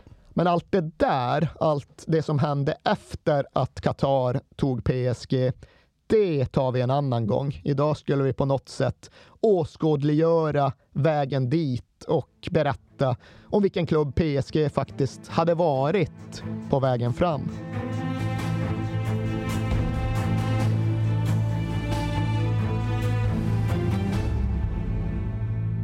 Vad hände sen då? Ja, det hände ju som ni vet precis hur jävla mycket som helst. Men om vi bortser från att bena ut exakt hur PSG byggde upp sin långsiktiga Champions League-satsning runt planen så kan vi väl bara återbesöka några av huvudfigurerna från just den här historien. Nicolas Sarkozy kom ju att förlora när han försökte bli återvald som president. Han lämnade posten 2012 och då fick han snabbt löfte om ja, ett par miljarder i startkapital för att starta ett investmentbolag. Och det löftet, ja, det kom ju nerifrån Qatar. De pengarna, de kom nerifrån Qatar. Sen valde Sarkozy att inte använda sig av de pengarna i första läget utan att till en början återvända till politiken istället. Men när vi tittar på dagens PSG då kan vi ju faktiskt också notera att de har alltjämt ALL som huvudsponsor på sina tröjor. Och det är ju faktiskt inget sånt här liksom globalt jättevarumärke, så man kan ju undra hur de har lyckats skaffa sig den prominenta positionen. Jo, ALL, det står ju då för Accor Hotels lojalitetsprogram. Vem är VD för Accor Hotels? Jo, men jävlar, det är Sebastian Bazin, PSG-företrädaren som såg till att klubben övergick i katariska händer när han skötte de försäljningsförhandlingarna. I styrelsen för Accor Hotels, ja just det, där sitter förresten Nicolas Sarkozy fortfarande. Och Nicolas Sarkozy, han har ju blivit kvar. Han har liksom stannat i fotbollen runt PSG mer än han har lyckats klamra sig fast i den franska politiken. Så nu är det ju så att varje gång PSG spelar hemmamatch, då sitter han där. Han har stolen alldeles intill president Nasser al-Khelaifi, som han heter. Och han missar inte en match. Men det finns det många andra som alltjämt gör. Det ska visserligen sägas att efter sex och ett halvt års frånvaro så återvände Ultras till Parc des Princes hösten 2016. Men det var inte alla Ultras och det var inte samma Ultras. De gamla grupperna och de gamla kortsidorna finns inte längre, utan numera är liksom all Ultras aktivitet knuten till PSG, eller i alla fall all Ultras aktivitet sanktionerad av PSG, samlad under paraplybeteckningen CUP, Kollektiv Ultra Paris. Och det är såklart inte subkulturellt okomplicerat att PSGs Ultras numera har liksom gått med på att underkasta sig klubbledningens diktat och förordningar. Att de liksom har skrivit under icke-våldskontrakt och att de har förbundit sig att inte kritisera klubbledningen på politiska grunder i klarhet utläst som kritisera inte inblandningen från Qatar. Men med de reservationerna så ska jag ju ändå säga att ibland så har det faktiskt funkat. Många matcher så har det inte alls funkat, men ibland, kanske framför allt i Europaspelet, så har Pac de Prince levt upp igen som i fornstora dagar. Och jag var såg Man United PSG på Old Trafford förra våren. känns som en livstid sen, men det var våren 2019. Och det bortastödet som CUP åkte upp med organiserade då, det var på fullaste allvar ett av de bästa, mest synkade, mest högljudda bortastöd jag fan har sett i sådana sammanhang. Det var oerhört bra. Men sen vill jag ju även få med att nästan exakt samtidigt som CUP och PSGs klubbledning enades om någon typ av vapenstillestånd så kom det också en låt som heter Ultra Parisien av hiphop-artisten Jazzy Bass från kollektivet Le Entourage. Och Jazzy Bass, han är ju då gamla Ultras kille. Han var med och grundade Authentic från Auteuil i början av 2000-talet.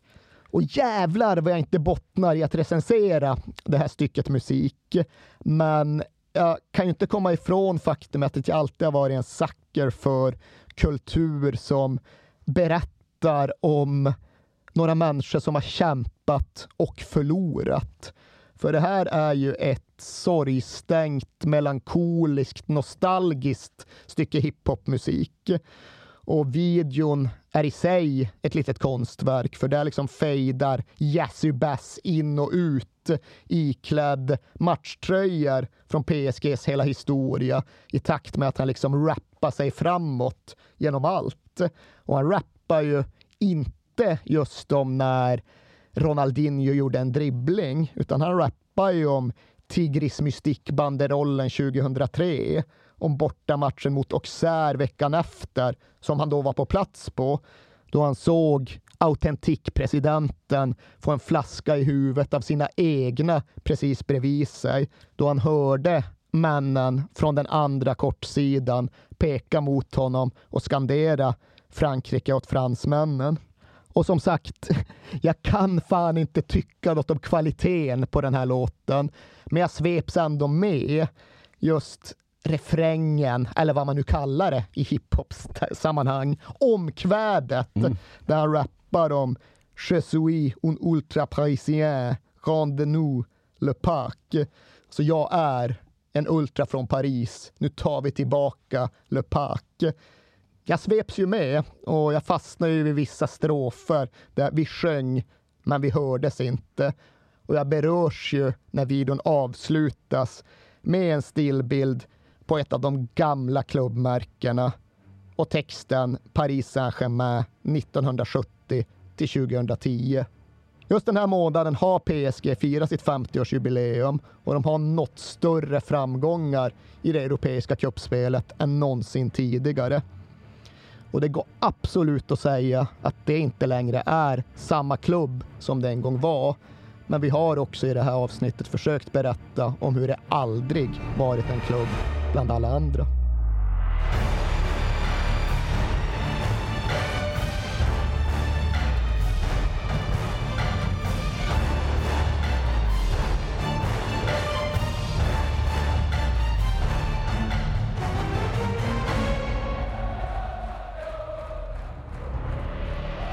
Du har hört When We Were Kings om eh, PSG 2010-2011. Eh, fortsätt mejla oss på kingsatperfectdaymedia.se och följ oss hemskt gärna på Instagram på wwwkpodcast så får du lite bilder till det vi pratar om också. Vi hörs nästa vecka. Vad det blir då får vi se. Ha det bra. Hej då. Uh. À fond dans le foot depuis le CP 19e arrondissement, on joue hiver comme été. 98, j'ai 8 ans, la coupe du monde. Le ballon rond devient ma raison de vivre définitivement. Les années passent, mon père m'emmène au Parc des Princes Je peux pas m'empêcher de regarder les virages. Ces milliers de gens dans une même chorégraphie. Comme un seul homme même quand le score est négatif. Un mur d'écharpe à l'heure d'entonner un hymne. Prêt à exploser à l'orée d'un penalty. À 14 ans, je suis abonné en tribune. G à l'élaboration des tifos. J'essaie de contribuer la semaine dans les coursives avec les autres habitués pour divulguer nos taf à l'entrée des joueurs et qu'ils soient stimulés. Je vis pour le blason de mon club et mon association. Comme plus tard avec le rap, je mets tout dans ma passion. Je suis un ultra parisien. Rendez-nous le pas, rendez, rendez-nous le pas, rendez-nous le pas. Je suis un ultra parisien. Rendez-nous le pas, rendez, rendez-nous le pas, rend- rendez-nous le pas. 15 ans, je fais mes premiers déplacements, c'est le début de la guerre entre Auteuil, Boulogne et ses indépendants. Certains sont possédés, pensent qu'Auteuil est trop coloré, on se tolérait, mais de simples querelles deviennent de gros merdiers. Je me rappelle à Auxerre, ils chantent la France aux Français. Quand ils lancent l'offensive, je dois me défendre sans trop penser. Tu vois l'esquisse, un drame collectif, puisque plus tard une rixe termine en reste in peace. On n'a pas fait ce qu'il pire. Les dirigeants s'en sont frottés les mains pour déloger les miens, revendre le club et récolter les gains. Les médias ont erroné les faits sans très bien raisonner. Assimilant des milliers de passionnés à développer de c'est trop facile. Faire une morale réprobatrice pour mettre tout le monde dans le même sac et ruiner nos acquis associatifs, c'est tendu. On chantait mais on n'était pas entendu. Tout notre amour pour le club, vous ne l'avez jamais rendu. Je reste un ultra parisien. Rendez-nous le pas, rendez, rendez-nous le pas, pas, rendez-nous le pas. Je suis un ultra parisien. Rendez-nous le pas, rendez, rendez-nous le pas, rend- rendez-nous le pas. Je suis un ultra parisien. Rendez-nous le pas, rendez, rendez-nous le pas, pas, rendez-nous le pas. Je suis un ultra parisien. Den här podcasten är producerad av Perfect Day Media.